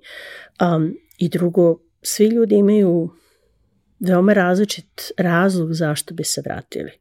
Moja inicijalna kapisla je bila tatina smrti, ja sam tela da budem sa mamom. Um, stariji roditelji ili jednostavno ne želim deca da mi odrastaju u stranoj zemlji, želim da, da nauče i jezik ili bilo koji razlog. Um, tako da ne treba blanko pristupati um, ni ljudima koji žive na stranstvu, jer e, taj narativ koji se stvorio je po meni čini se napravio jedan veliki jaz. Tako da ljudi sad u Srbiji maltene su terani da misle loše o ljudima koji su otišli. Ja sve češće vidim, a to mi je bilo jako jasno tokom protekle predizborne kampanje, da su ljudi izlazili i govorili, eto ja sam ostao ili ostala. I kao odjednom sad, pa šta to znači da ja koja sam otišla, nisam dovoljno veliki patriota ili ne volim svoju zemlju dovoljno, ne razumem poruku. Šta je poruka time ja želim da ne odem? Ja razumem kad neko kaže ja hoću da ostanem ovoj zemlji, moje zemlje želim da imam sve uslove i tako dalje, ali da se to napominje da ja nisam otišao ili otišla, mi smeta jer čini se kao što taj odliv mozgova na neki način ljudima koji su ovde čini da se osjećaju nelagodno, tako i ovo meni i nekim mojim prijateljima čini da se mi osjećamo nelagodno. Pa mislim, evo ja ću da ti kažem, imamo ovaj, u filmu Munje, to kad kaže izdali ste hardcore. Da. e, to je u suštini poenta, samo problem je što ok, u nekim slučajevima ljudi su odlazili na prilike, u nekim slučajevima ljudi su odlazili samo da odu, da pobegnu mm. i sve to, ali kada pričamo o tim najboljim izdancima koji su stvarno napravili nešto veličanstveno, mm. uh, ja te sportske metafore najviše volim. Ako hoćeš da igraš u premier ligi, moraš da odeš na ostrovo. Mm. Ne možeš da igraš u premier ligi iz Sevojna. Ne, jednost, mm. možeš se rodiš u Sevojnu ili u Užicu i da postaneš kapitan Manchester Uniteda. Ali da bi postao kapitan Manchester Uniteda, mora prvo Manchester United se zainteresuje da te dovede. I mm. moraš da budeš tamo. I isto tako, ako želiš da se baviš bilo kojom vrstom naučnih istraživanja i da budeš najbolji u tome na svetu, moraš da odeš na jedno od tri mesta koje su, ili pet, koje su najbolja za to na svetu. Mm ako hoćeš da budeš vanserijski uh, naučnik na nekom institutu, pri nekom fakultetu, pa naravno ćeš otići na najbolji fakultet koji se time bavi. On će mm. se boriti za tebe. To ti je to je posledica izbora da želiš da to bude tako. Nisi ti otišao zato što možeš na univerzitetu u Beogradu da se baviš tim. Možda možeš da sarađuješ sa univerzitetom u Beogradu. I često možeš i toga ima dosta. Ali moraš da budeš na izboru a izvor je negde tamo. Mislim da je problem nastaje kada odeš negde drugde i onda poželiš da vratiš nešto Srbiji. Tu je problem, jer nije, e, ne kažem svi, naravno ima vrlo časnih izuzetaka i nadam se sve više, sve institucije nisu zainteresovane da prime nekog takvog, jer postoji neka vrsta otpora, pa šta ćeš sa ti mene da naučiš, kao da si ti popila svu pamet sveta.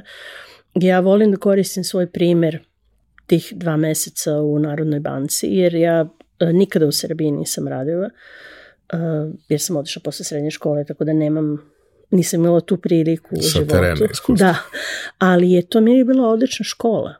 opet ja sam rekla, vi ljudi ne shvatite koliko sam ja od vas naučila.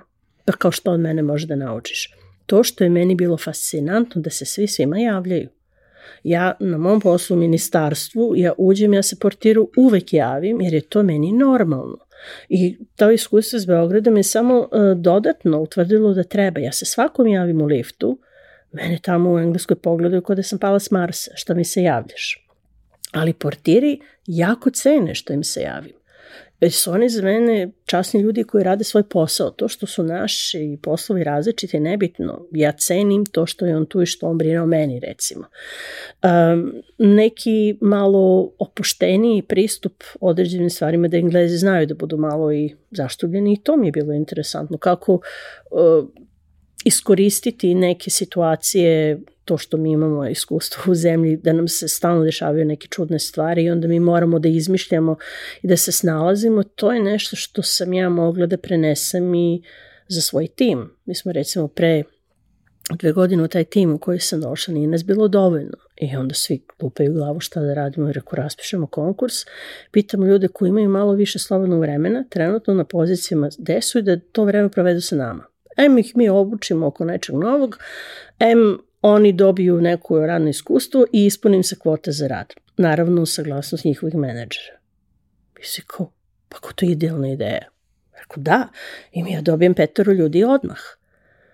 Znači, nastavimo da radimo i jeste to malo ulaganje u početku, ali ti ljudi, onda ja mi kažem, pa slušaj, dobit ćete te neke primere kad budete kasnije tražili posao, moći ćete da kažete da ste radili i ovo, što je odlično iskustvo. I naravno, menedžerima bude super, kao u ovom trenutku nemamo puno posla, ne znamo šta da radimo sa njima, divno. Mislim, i nemoguće da, da razumem da neko nema dovoljno posla, ali ako je takva situacija, znači, te neke stvari koje sam mogla da vidim na terenu ovde, da mogu da budu primenjive, da mogu da budu uh, vrlo konstruktivne i dobre.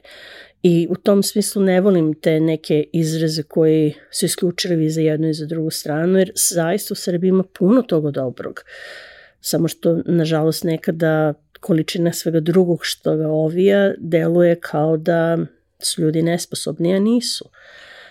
Ima malo i u tome da to što ti kažeš, mi se snađemo ali ne možeš da se snađeš ceo život. Da. Znači, u jednom trenutku treba i da se skrasiš. U jednom trenutku treba i da se napravi neka struktura. Znači, skoro nešto pričam sa, sa nekim prijateljima kao kako se pravi kako se pravi zajednica, kako se pravi neka vrsta organizacije i sve ostalo. Pa kao pravi se na ludilo, naravno, sve se pravi na ludilo. Ali onda kad ga napraviš, onda ga uzemljiš, onda izgradiš tu neku osnovu, napraviš neku armaturu da bi mogao da zidaš mm. nešto dalje. Jer ako konstantno radiš sve na ludilu, u jednom trenutku će sve da se uruši. Zato što nema strukturu, zato što mm. sve zavisi od energije jedne osobe i nekih principa koji su samo u glavi jedne osobe, a ne u nekakvom uh, jasno definisanom setu pravila, uslova, čega god, na bazi koje se mm. sve razvija. I mi smo super da se snađemo. Mi samo nikako da pređemo iz te mm. faze u ovu u kojoj mm. na tome što smo napravili inicijalno gradimo nešto dalje. Ali dobro, vidjet ćemo ovaj, kako će se sve to, sve to razvijati. Uh, kaži mi, šta su još aktivnosti koje vi dakle, redovno imate kroz uh, City Club uh, i uh, posle toga hoću da pričamo malo još o onome čime se ti primarno zapravo mm. baviš, ali šta su te neke aktivnosti koje uh, su, da kažem, redovna dešavanja mm. koje radite nevezano za te velike -hmm. akcije koje ste sprovodili u kojima ste učestvovali? Pa e, ima život pre i posle korone. Uh, to nas je uh, poremetilo, a zapravo uh, omogućilo neke nove ideje i projekte. Mi imamo ta, to jest imali smo redovnije mesečna druženja pre korone, gde mi nikad ne znamo da će se pojaviti 55 ili 80 ljudi um, raznih profila, da li tek pridošli studenti ili ljudi koji su tu već godinama, um, koji dođu ili zato da se upoznaju ili uh, im je potrebna neka vrsta podrške ili jednostavno žele da se druže. Tako da je to uh, lepo, to smo sada ponovo aktivirali, malo ide uh, sporije jer je korona uticala na to da li ljudi žele ili ne žele da izlaze iz kuće još uvek. I imali smo uh, na Kafisa, uh, to je jedan serijal koji smo počeli um, da smo želeli da naši članovima u Britaniji prikažemo neke ljude iz Srbije ili iz Britanije koji imaju veze sa Srbijom, a koji imaju nešto pametno da kažu. Uh, I to smo najčešće organizovali u ambasadi, koja nam je uvek vrlo rado ustupala prostor, a neke od tih događanja smo organizovali i u samom parlamentu. Pa e, smo recimo Zorana Kesića tamo imali, Olju Bečković, a, Sašu Janković, a, a u okviru Srpskog meseca koji ću posebno pomenuti smo puštali filmove Šišanje, Decveta, Limun žut um, i uh, mislim da smo pustili ovaj Bože u Somboru što je sniman, setit ću se ne je cigani letu no, nebo na ovaj naš sa Bekimom, Fehmijom i Batom. Jeste, hvala, nisam mogla se setim ovaj, i tako tih nekih raznih um, akcija. E onda je korona naravno to um, onesposobila zato što nismo mogli da se okupljamo. U Britaniji jako dugo smo bili jako dugo zatvoreni, institucije su bile jako dugo zatvorene. Tako da smo mi to prebacili na online platformu i sada imamo to kao podcast, to jest uh, dostupno i na YouTube-u. I zapravo je i mnogo bolje zato što ti video zapisi i audio zapisi uh, postaju pristupačniji uh, široj publici. I pošto radimo i na srpskom i na engleskom, jer imamo uh, ljude koji žele da pričaju na jednom ili na drugom jeziku, pa čak i same engleze, uh, koji su nam bili gosti, onda je to nešto što uh, možemo da pružimo članovima i da ih upoznamo sa nekim fantastičnim ljudima za koje nisu znali koji žive u Britaniji.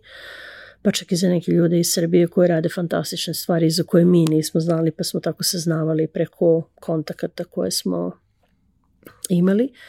I jako puno smo radili na um, osposobljavanju učenja srpskog jezika kao nematernjeg u saradnji sa nekim drugim organizacijama, jer nam je to bilo jako bitno da um, za naše buduće naraštaje, pošto to povezujemo sa identitetom i pripadnošću um, se ne zaboravi i osposobimo i online učenje, ne samo ono starinski um, samo u učionicama, jer opet korona je uradila svoje, pa uh, ljudi nisu mogli da idu u škole na taj način. Tako da nastavljamo i, i želimo sad uskoro da ponovo krenemo i uživo da uh, te razgovore, jer ipak je potpuno drugačija dinamika kad imate ljude u, u publici um, i neki novi projekti na kojima radimo um, koji su vezani za glasanje u inostranstvu jer želimo da guramo tu priču um, kao i sa diplomama. Mislimo da je jako važna za sve nas koji živimo u inostranstvu i da se zapravo napravi jedan dijalog na tu temu i da se razluči jednom za svakda da li kao u Australiji ljudi glasaju bez obzira gde su u celom svetu do kraja svog života ili kao Britanci da ako ne živite u zemlji duže 10-15 godina vi nemate pravo glasa, a ako nam Ustav već to dozvoljava, onda da se to osposobi i da bude na jedan um, regularan način, jer je um,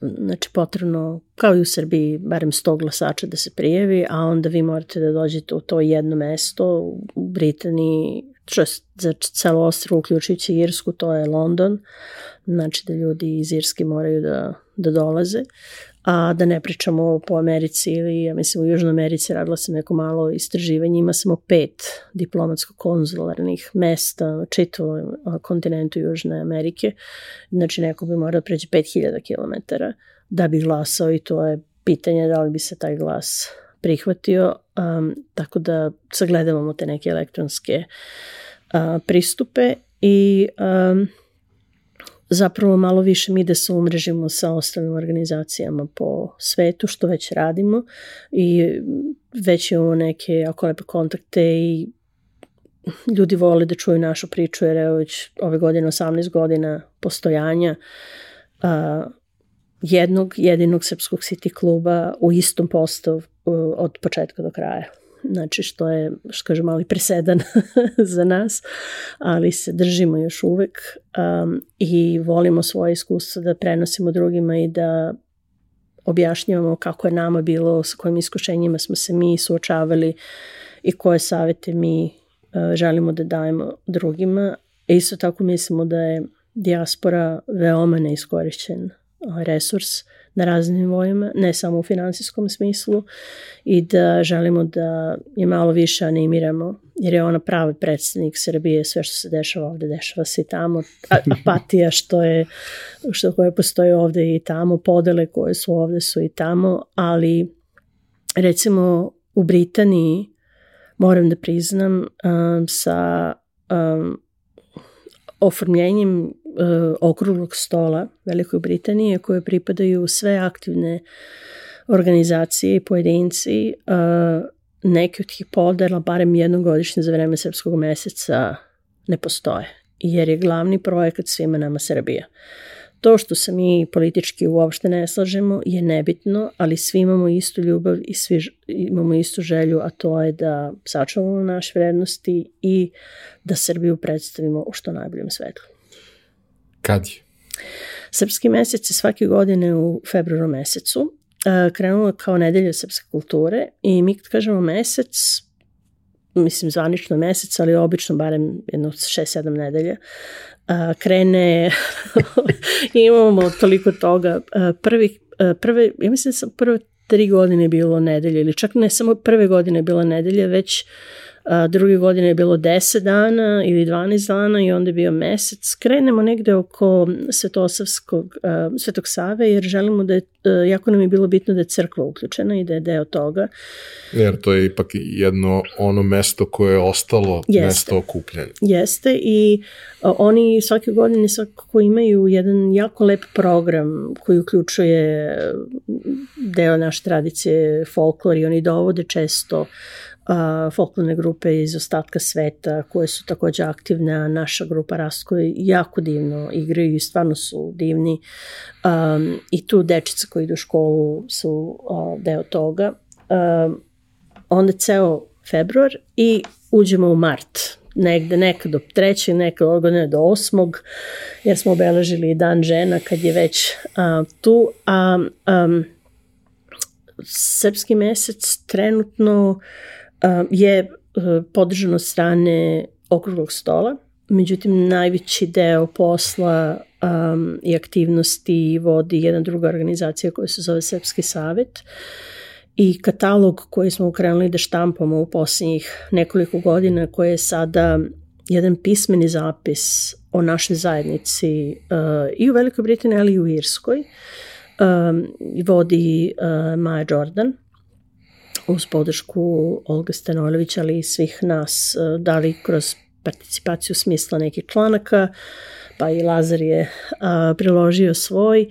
Um, isto tako imamo spisak uh, pojedinaca u raznim sferama koji su jako uspešni, da li akademija, sport, muzika, uh, umetnost uh, u širem uh, smislu.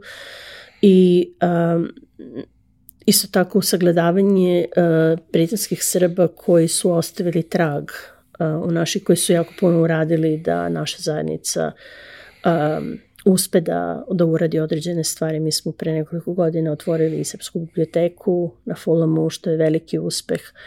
Um, tako da te neke stvari ostavljaju nekog traga za nove generacije. Ono što nam je jako, jako drago je da svake godine sve više raste.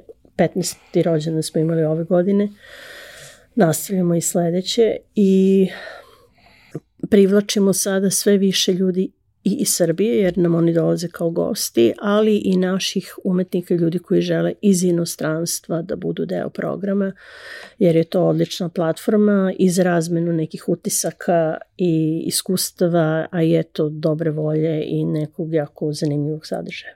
Dobro. Malo smo ovaj, prošli taj deo koji se, koji se odnosi na uh, City Club i to šta, šta sve radite, ali smo zanemarali potpuno to čime se ti baviš u životu, pošto ovo je suštinski jako važna stvar, ali je manje više hobi, odnosno mm. ta neka sekundarna aktivnost, ono nešto što radiš zato što imaš potrebu, a ima i onih e, prvih 8 e, sati po drugu lenjinu. Ovaj, šta se dešavalo sa tvojom profesionalnom karijerom? Pa, uh, ja sam krenula stažir na Mortonskom savjetu 98. I posle nekih 6-7 meseci zapravo oni su meni ponudili stalni posao. Što sam ja prihvatila, mada plata je bila dosta niska, pa sam zadržala ovaj, rad u restoranu još par godina vikendom, čisto da, da nadmirim sve uh, potrebe, ali je bilo jedno um, neprocenjivo iskustvo koje mi je otvorilo um, ogromna vrata uh, i uopšte razmišljanje o tome šta ja želim da budem kad porastem. I uz um, rad sa njima sam uspela da sagledam neke druge stvari koje, o kojima nisam razmišljala. Mi smo dosta radili sa školama. Um, Alanov brat, kao što rekoh, je profesor na Cambridgeu. Oni su dobijali uh, studente iz Amerike svake godine I onda bi oni kod nas došli da stažiraju, pa sam onda ja njih vodila kao grupu i to mi je bilo odlično iskustvo za kasnije kada sam postala menadžer um, ljudima u ministarstvu i u timovima koje sam vodila i uh, bila izložena tim nekim stvarima u, u jednom uh, prostoru gde sam se ja osjećala sigurno i da sam mogla da postavljam pitanja i gde sam mogla da dobijam smernice na licu mesta kako se neke stvari rade ili ne rade i koje su bile jako dobronamerne. Nakon šest godina, na kraju rada sa njima, imala sam prilike, kao što sam rekla, jako često sam odlazila u Brisel i, i Mons i, i uspostavila jednu um, jako lepu saradnju sa vojnim i političkim odsecima u smislu šta se dešava na, na temu NATO-a, partnerstva za mir, ne samo u kontekstu Srbije ili Velike Britanije, već svih ostalih zemalja koje su tu bile uključene i Atlantski savjeti postoje u jako velikom broju zemalja koje nisu članice NATO, ali su možda članice partnerstva za mir i onda smo jedne godine organizovali konferenciju za sve njih u Edinburgu i to je bilo fantastično iskustvo. Um, imati 40 zemalja na licu mesta i kako sve to organizovati i tu sam shvatila da zapravo ja jako dobro plovim u vodama organizacija i kako se organizuju stvari i što više ljudi ima da, i što je veći haos da se ja nekako bolje snalazim u tome. Majka Srbije. Baš tako. I da, I da tu sam imala par situacija da sam čak morala i da, da povisim glas na neke od, od um, ljudi koji su bili učesnici i, i ne znajući da sam dobijala aplauze u pozadini od drugih jer su se neki ponašali baš onako bahato i ja nisam mogla da, da im ne ukažem na to da ne mogu sa mojim studentima i stažistima da se ponašaju na način na koji su se ponašali. I onda je Atlantski savjet e, odlučio da se preseli van Londona i meni to nije odgovaralo i onda sam u pauzi između se prijavila jednoj agenciji um, gde vi radite kao temp i onda vas oni pošalju negde da li na dan, da li na nedelju dana koje su već potrebe I prvo mesto na koje sam bila poslata je bilo Ministarstvo zdravlja i socijalne zaštite, da sam trebala da odem na jedan dan i mislim da sam tamo sa nekih 17 godina, nisam nikad otišla. Opet ta, pominje moja životna naivnost na neki način, um, zapravo njima je trebao neko da radi za jednog direktora kome, koji je sarađivao sa ljudima, on je bio pedijatar po struci i radio je sa uh, ljudima iz celog sveta i pripremali su neku publikaciju i trebao mu neko koji je imao diplomatsko iskustvo kako sa svim tim drugim narodima da mm da se ovaj, dogovore i onda je on meni posle tri dana rekao vidi se da ti imaš iskustvo, da li bi mogla da ostaneš a, minimum nedelju dana, to jest mesec dana. I onda su mi rekli, pa što ti ne bi ostala tri meseca i onda su mi predložili ugovor na još tri meseca i onda su mi rekli, ti si sad prošla taj probni deo, možeš da postaneš deo ministarstva ako hoćeš. Ja sam rekla, hoću. Ove, tako da je moj taj život u Ministarstvu zdravlja tako krenuo tu sam imala i dalje imam neverovatne prilike da radim na um, temama o kojima nisam ni sanjala i bilo mi je prvo nespojivo, pa kako ja sad istorija, politika, šta ja sad radim u Ministarstvu zdravlja, jer to, to su doktori, to su teme o kojima ja ništa ne znam. I onda shvatila da sve te veštine koje sam ja naučila su jako primenljive i da meni bio izazov svaka ta nova tema kojom sam se bavila bio no, kao novi predmet. Sam ja ušla u odeljak za žene, decu i porodicu i onda sam tu svašta radila od dojenja, od porođaja i razvoj deteta, um, nasilje u porodici, um, um, razne neke druge uh, stvari ubistvo, um, uh, kako se zove, uh, on base killing kada ih ubijaju mhm. iz časti a, i tako te neke teme koje jesu teške, ali su mi omogućili da se upoznam opet sa nekim drugim a, delovima sistema za koje nisam znala da postoji.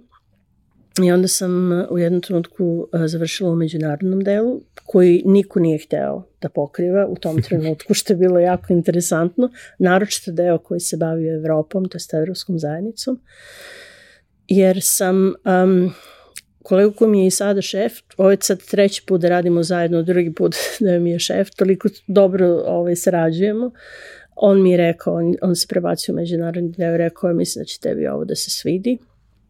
Onda se desio referendum i um, tih prvih godinu dana jednog onako nerazumevanja šta se zapravo dešava i ovaj, kada je cela ta priča krenula, ja sam par nas koji je tu radilo, pošto sam eto vremenom i naučila dosta što se tiče te regulative, poslala jedan eksperata.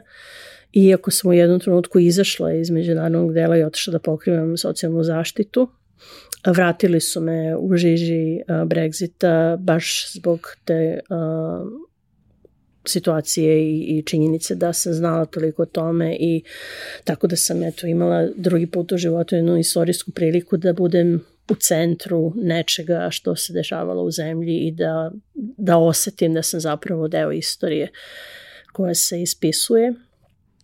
I kada se to završilo, a, rekla sam ja sad moram da idem nešto drugo da naučim ako je moguće i trenutno sam u odeljenju za zaštitu ličnih podataka kada gledaš sa strane, deluje kako se ti možeš sa jednog na drugog, a zapravo je to ono moje što je dalje ne znam šta je to što ja želim da radim, a zapravo obožavam da čitam, obožavam da učim nove stvari i samo time ovaj, nadograđujem sve što radim. Ja volim da kažem da sam ja samo ćata, ovaj, to je državni službenik, ali zapravo je to mnogo kompleksnije i uh, sve što sam radila me zaista ispunjavalo i naučila puno toga o tome i o sebi samo i pogotovo kad sam se suočavala sa određenim situacijama koje su jako izazovne, to je zbog tema koje sam pokrivala, ali eto, ovaj, život u, u ministarstvu, to jest rad u ministarstvu, meni isto pričinio veliko zadovoljstvo i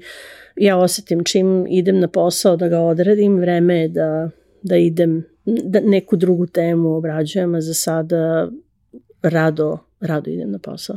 I, mislim, sjajno je da je to takav sistem gde osoba može da kaže nešto tako i ok, možda se neće trenutno promeniti ništa, ali postoji svest o tome da radnik koji je dobar treba da bude zadovoljan i da mu se na neki način i neću kažem izlazi u susret, ali da se hmm. prave neke vrste kompromisa jer ti si resurs mm. koji može da se iskoristi na jako mnogo načina, a nema mnogo resursa koji su takvi, koji su prilagodljivi različitim situacijama i mm. svuda donose svakakve neke ceo jedan skill set koji je, koji je ozbiljan, ali i tu radoznalost. Mislim, to nije, to nije normalno. Da. da ti kažem, to nije normalno, to ljudi ne radi. A, ali ima samo jedan moment što se tiče ministarstva koji je meni bio zanimljiv i koji sam ja koristila kao argument tokom e, cele priče o priznavanju diploma, jer sam stalno dobila neke komentare, pa eto, um, recimo, uh, doktori su mene često oslovljavali sa koleginice, ja sam stalno morala da ih ispravljam, da ja nemam veze sa zdravstvom, da sam ja samo u ministarstvu, da sam ja klasični državni službenik koji jedna država ima kao što je Velika Britanija, da ja imaju oni naravno i doktore koji se bave određenim temama, ali ja sam, um, kako oni zovu neko kao generalist, znači neko ko zapravo može da se ubaci bilo gde, bilo kada i da uđe u tu materiju jako brzo da bi mogao da pruži podršku i da donese to što je ono što ta osoba može da pruži. Što se tiče um, toga koje kvalifikacije ima, to jest um, šta je najbolje na CV-u. U mom slučaju te organizacione sposobnosti, uh, stvaranje velikih timova i rada u haosu, jer Brexit i sada gde sam su dva haotična perioda i kad sam bila u socijalnoj zaštiti zapravo je meni bilo dosadno, jer se ništa nije, des, de, sve se dešavalo jako sporo, ja sam shvatila da to nije to, da to nisam ja i to je super što ti vremenom naučiš, ali ja sam u ministarstvu dobila posao pre nego što sam imala doživotnu vizu taj indefinite leave to remain. Oni su naravno znali da ću ja to dobiti. I ja sam onda to stalno ovde govorila. Ja kao žensko, kao stranac, kao neko ko ne zna nikoga u sistemu, dobijam posao na osnovu svojih kvalifikacija. I zato što sam ja uspela, po znacima navoda, sebe da prodam. Znači da im dovoljno dam do znanja da ja imam potencijal, to jest oni su meni prepoznali neki potencijal i dali su mi šansu. I opet se vraćam i na Alena, znači i on je dao šansu. I ja kada sada intervjušem ljude, isto to tražim, dajem šansu nekome, jer ti moraš da, da proceniš nekada ne samo koliko neko zna, nego kako će taj sa time što ja vidim moći da se uklopi u moj tim. Kako će oni, kako će moći da izvučem iz njih maksimum, da li su oni suviše zatvoreni, da li moj tim već ima suviše veliki broj zatvorenih ljudi, meni treba neko malo otvoreniji da se napravi neka ravnoteža. Tako da su to neke stvari koje ti vremenom naučiš i jeste, čim sam dobila doživotnu vizu, ja sam i priložila i onda kada sam napokon uzela britanski pasoš, a i to poček, ne zato što nisam mogla, nego zato što sam putovala non stop i onda nikako nisam bila u zemlji dovoljno dugo da prođem taj proces, onda sam im i to priložila i nikada mi niko nije ništa pitao vezano za to odakle dolazim, dobro znaju. Ove, evo, ovo sada što nam se desilo, nažalost, prošle nedelje, znači sve moje kolege su odmah sa mnom stupili u kontakt da provere da li sam ja u redu, ta saosećajnost je tu, e, ta ljudskost je i dalje tu i ja sada delimično biram poslove koje me interesuju, ali isto biram poslove zbog timova i ljudi koji u njemu rade, jer ti provodiš najveći broj svog vremena sa tim ljudima, tebi mora da je prijatno, jer ako nije, to je onda jako teško. I moj pristup um, jeste da ja ne volim nikome da budem sam menadžer, ali ne u tom smislu da ih ja nešto makro nadgledam, ali sve guram maksimalno jer uh, vidim potencijal u svakome. I neće, naravno svako ne, ne voli da se eksponira, ali uh, vidim da kada prevaziđu taj strah i kada shvate da zapravo mogu, koliko je to jedna predivna transformacija koja se desi pred vama i vi onda kao ponosti roditelj možete se povučete na neki način i da oni nastave dalje. I meni je to i dalje bitno, je to što je Alan usadio u meni u smislu kako treba da se ponašam prema nekome, ja i dalje pokušavam da pre, prenosim, jer sam imala jako loše menadžere, ljudi koji su me spotavali, a imala sam predivne menadžere i tako sam naučila za sebe šta ja mislim da je osoba koja treba da bude i da, i da vodi i da ne bude um, sramežljiv u tom smislu i ono što kod nas u Srbiji tuče nemoj ti da se suviše eksponiraš, da mi nije problem da kažem ne, ja ovo odlično radim jer je to činjenično stanje, a ne zato što ja eto, mislim da treba da se hvalim na sva zvona, jer živimo u takvom svetu um, i tako se stvari nekada nameštaju da vi morate da odskačete da biste bili viđeni, da biste bili zadržani. I to je prosto jedna normalna računica, a isto ne um, tek tako da druge gazim, jer ja kao pojedinac znam koje su uh, znam i svoje, sve svoje mane, znam sve svoje prednosti, znam na čemu treba da radim, na čemu radim, ali isto tako kada vodim tim, mi smo svi zajedno, ono što kažu, svi za jednog, jedan za sve. Nema granica, nema to što sam ja 3-4 nivoje za njih, mi smo svi jedan tim. Ja sam ta koja organizuje kada idemo na put smeštaj i vozne karte. Nema veze što ja njih vodim, ja to obožavam da radim. I oni to znaju. Stvarno kad je frka, ja im to tražim, jer meni je glupo od nekog koja je na najnižoj lesvici da ja očekujem da mi on stalno nešto štampa ili organizuje kalendar kad sam ja vrlo sposobna to da radim meni je mnogo bitnije da ja tu osobu osposobim da bude što bolje, da može da me zamenjuje u određenim situacijama. Tako da je to moj pristup. Za kraj bih volao samo da te pitam da napraviš uh, jedan recap. Uh, 30 godina u Velikoj Britaniji. Za tih 30 godina desilo se sve. Nekoliko puta. uh, šta je to što je tebi najjači utisak da se promenilo, ajde možemo da kažemo i pre Brexita, a onda i šta je zapravo Brexit doneo i koliko su sada, nakon ipak malo vremena, ljudi zapravo svesni šta se jebeno desilo? Um, znaš, kad porediš, barem ja kad poredim Srbiju i Britaniju, to su dva sveta, jer su problemi jedne i druge zemlje potpuno različiti.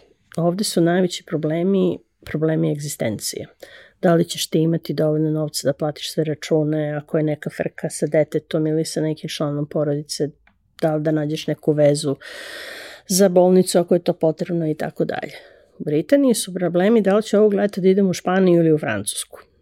To, to su dva sveta koje ne mogu da se porede na neki način. Naravno, ne kažem da tamo nema nemaštine, ali ima jaka socijalna uh, služba i uh, podrška tim ljudima, tako da ima beskućnika, ima problema sa alkoholom, sa drogom i tako dalje, ali to nije na nivou na kojem ja to vidim u Srbiji, recimo. I to ne ljudi koji su na ulici, već ljudi koji imaju neki stambeni prostor, pa opet preživljavaju radije nego da žive. I tamo uh, ljudi zaista uživaju u velikom broju stvari, ali su zbog toga potpuno odsečeni od realnosti, šta se zapravo dešava i on ti imaš situacije da ljudi ne shvataju šta se dešava u nekoj drugoj zemlji, pa čak i u njihovoj zemlji. I onda kada je bilo pitanje Brexita, um, s jedne strane da li si glasao za ili protiv, neki ljudi su bili vrlo jasni zašto da ili protiv, a neki su išli eto tako nekom inercijom, pa eto mi nismo da je Evropa i ovako i onako zrna, jer su ostrvo i stvarno tako razmišljaju, vrlo su ocečeni i um, izolovani u načinu na koji se obhode prema drugima i oni njima je normalno da oni vide sebe van Evrope, iako jesu geografski, ali to je sad već druga priča. Tako da Mislim da dosta njih nije bilo svesno i zapravo priče koje su njima bile plasirane kako će Britanija i kako će Britanija biti nakon toga je bilo dosta nerealno. Jer oni i dalje imaju svest veličine koje su nekada imali i kakvi su one sila bili. A, I ne shvataju da oni to više nisu i to već jako dugi niz godina. To ne znači da su oni skroz propali i da je tamo situacija užasna, ali definitivno nisu u prvih tri recimo. I što se tiče ekonomije, da se ne pričamo teritorijalno koliko su ove ovaj, se širili i tako dalje. I um, oni su zbog svih tih um, stvari otvorili granice i pustili dosta ljudi, a zapravo ne vole nikoga. I onda je to sad ta, ta druga šizofrenija, kako sad živeti sa tim ljudima koji, koji smo pustili, a mi zapravo ne želimo da su tu, ali a su ih doveli, naravno, kada su dovodili indice ili ljude iz, sa Kariba da im radite neke najosnovnije poslove, ti ljudi su iškolovali decu koja su postala hirurzi, doktori ili uh, već neke druge um, uh, struke, tako da a nisu svi beli Britanci mhm. krenuli istim putem, tako da dolazi do tih malih uh, razmera. I sada pošto se korona završila, zapravo ljudi shvataju šta se desilo sa Brexitom. Mislim, pomenula se ti koleginica koja sad, ja, pa kako ću ja sad u Holandiju? Ističe mi pasoš u u avgustu, ja kažem pa ne možeš da ideš, nije sad u važnosti šest meseci, druga su pravila. Oni nisu svesni da time što su glasili za nešto, da je to sada novi set, da su pravila igre drugačije. To nikad nisu aplicirali da. za vizu gde god su išli. Upravo to. I onda kada ovaj, sada moraju da stanu u red, jer više ne, ne izlazimo iz zemlje tamo gde je EU, jer ima drugi, on kao svi ostali, i onda po Twitteru ili uopšte po društvenim mrežama kao ovo je katastrofa, čekali smo redu po dva sata, mi svi koji smo prošli i to samo nakon nas smejemo i kao pa, dobrodošli u realan svet. Um, ali ja dobrodošli mislim, među ostale. da, ali mislim da, da, da, da će se sve to tek, da će se to klupko zapravo tek razviti u sledećih godinu, dve dana i da još naravno i zbog cele energetske krize, nismo svesni um, šta se desilo, kako se desilo i šta sve još može da se desi. Jer ljudi odlaze u velikom broju sada iz Britanije, veliki broj stručnjaka je otišao jer nisu i imigracijni uslovi sada isti za njih i a, zbog svega toga sad su krenuli malo da menjaju zakon, taj imigracioni, da bi omogućili ljudima da dođu. Pa to recimo um, zahvata i Srbiju. Oni sada um, na neki način postaju pristupačniji i opet će se desiti što se desilo sa Evropskom zajednicom da će male zemlje kao što je Srbija da budu na velikom gubitku jer će biti primamljivo otići negde drugde gde mogu da se zarade možda um, neke veće plate i da postoji sistem koji je malo uređeniji i ovaj, um, ali što se tiče samih Britanaca, mislim da i, iako polako se osvešćavaju, nisu još potpuno svesni šta se zapravo desilo u proteklih nekoliko godina. Da, mislim, pomešalo se to i sa COVID-om i sa svim i ovaj, kad se desi jedna stvar je mnogo, kad se desi dve stvari koje su life changing, to je baš, baš ovaj, velika stvar.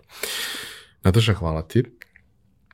Bilo mi je veliko zadovoljstvo da, da ispričamo ovu priču i da pokažemo zapravo um, kako neke stvari mogu, ovaj, zato što smo mi skloni na osnovu iskustava da ne mogu i stvarno neke stvari ne mogu kad ideš sam ali da mnogi stvari zapravo mogu ako nas ide više i ako smo jedinstveni u tome što, što želimo, makoliko možda ispod haube bili različiti, da postoje nekad veće i važnije stvari koje bi trebalo da nam budu dovoljan razlog da se ujedinimo.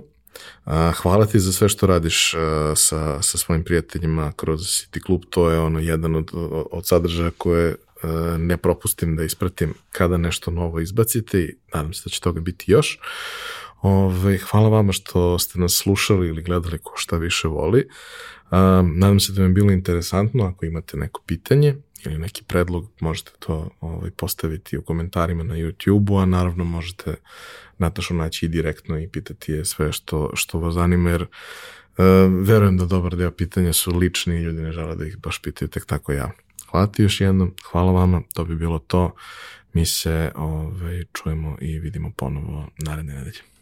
Hvala i tebi na prilici da popričamo.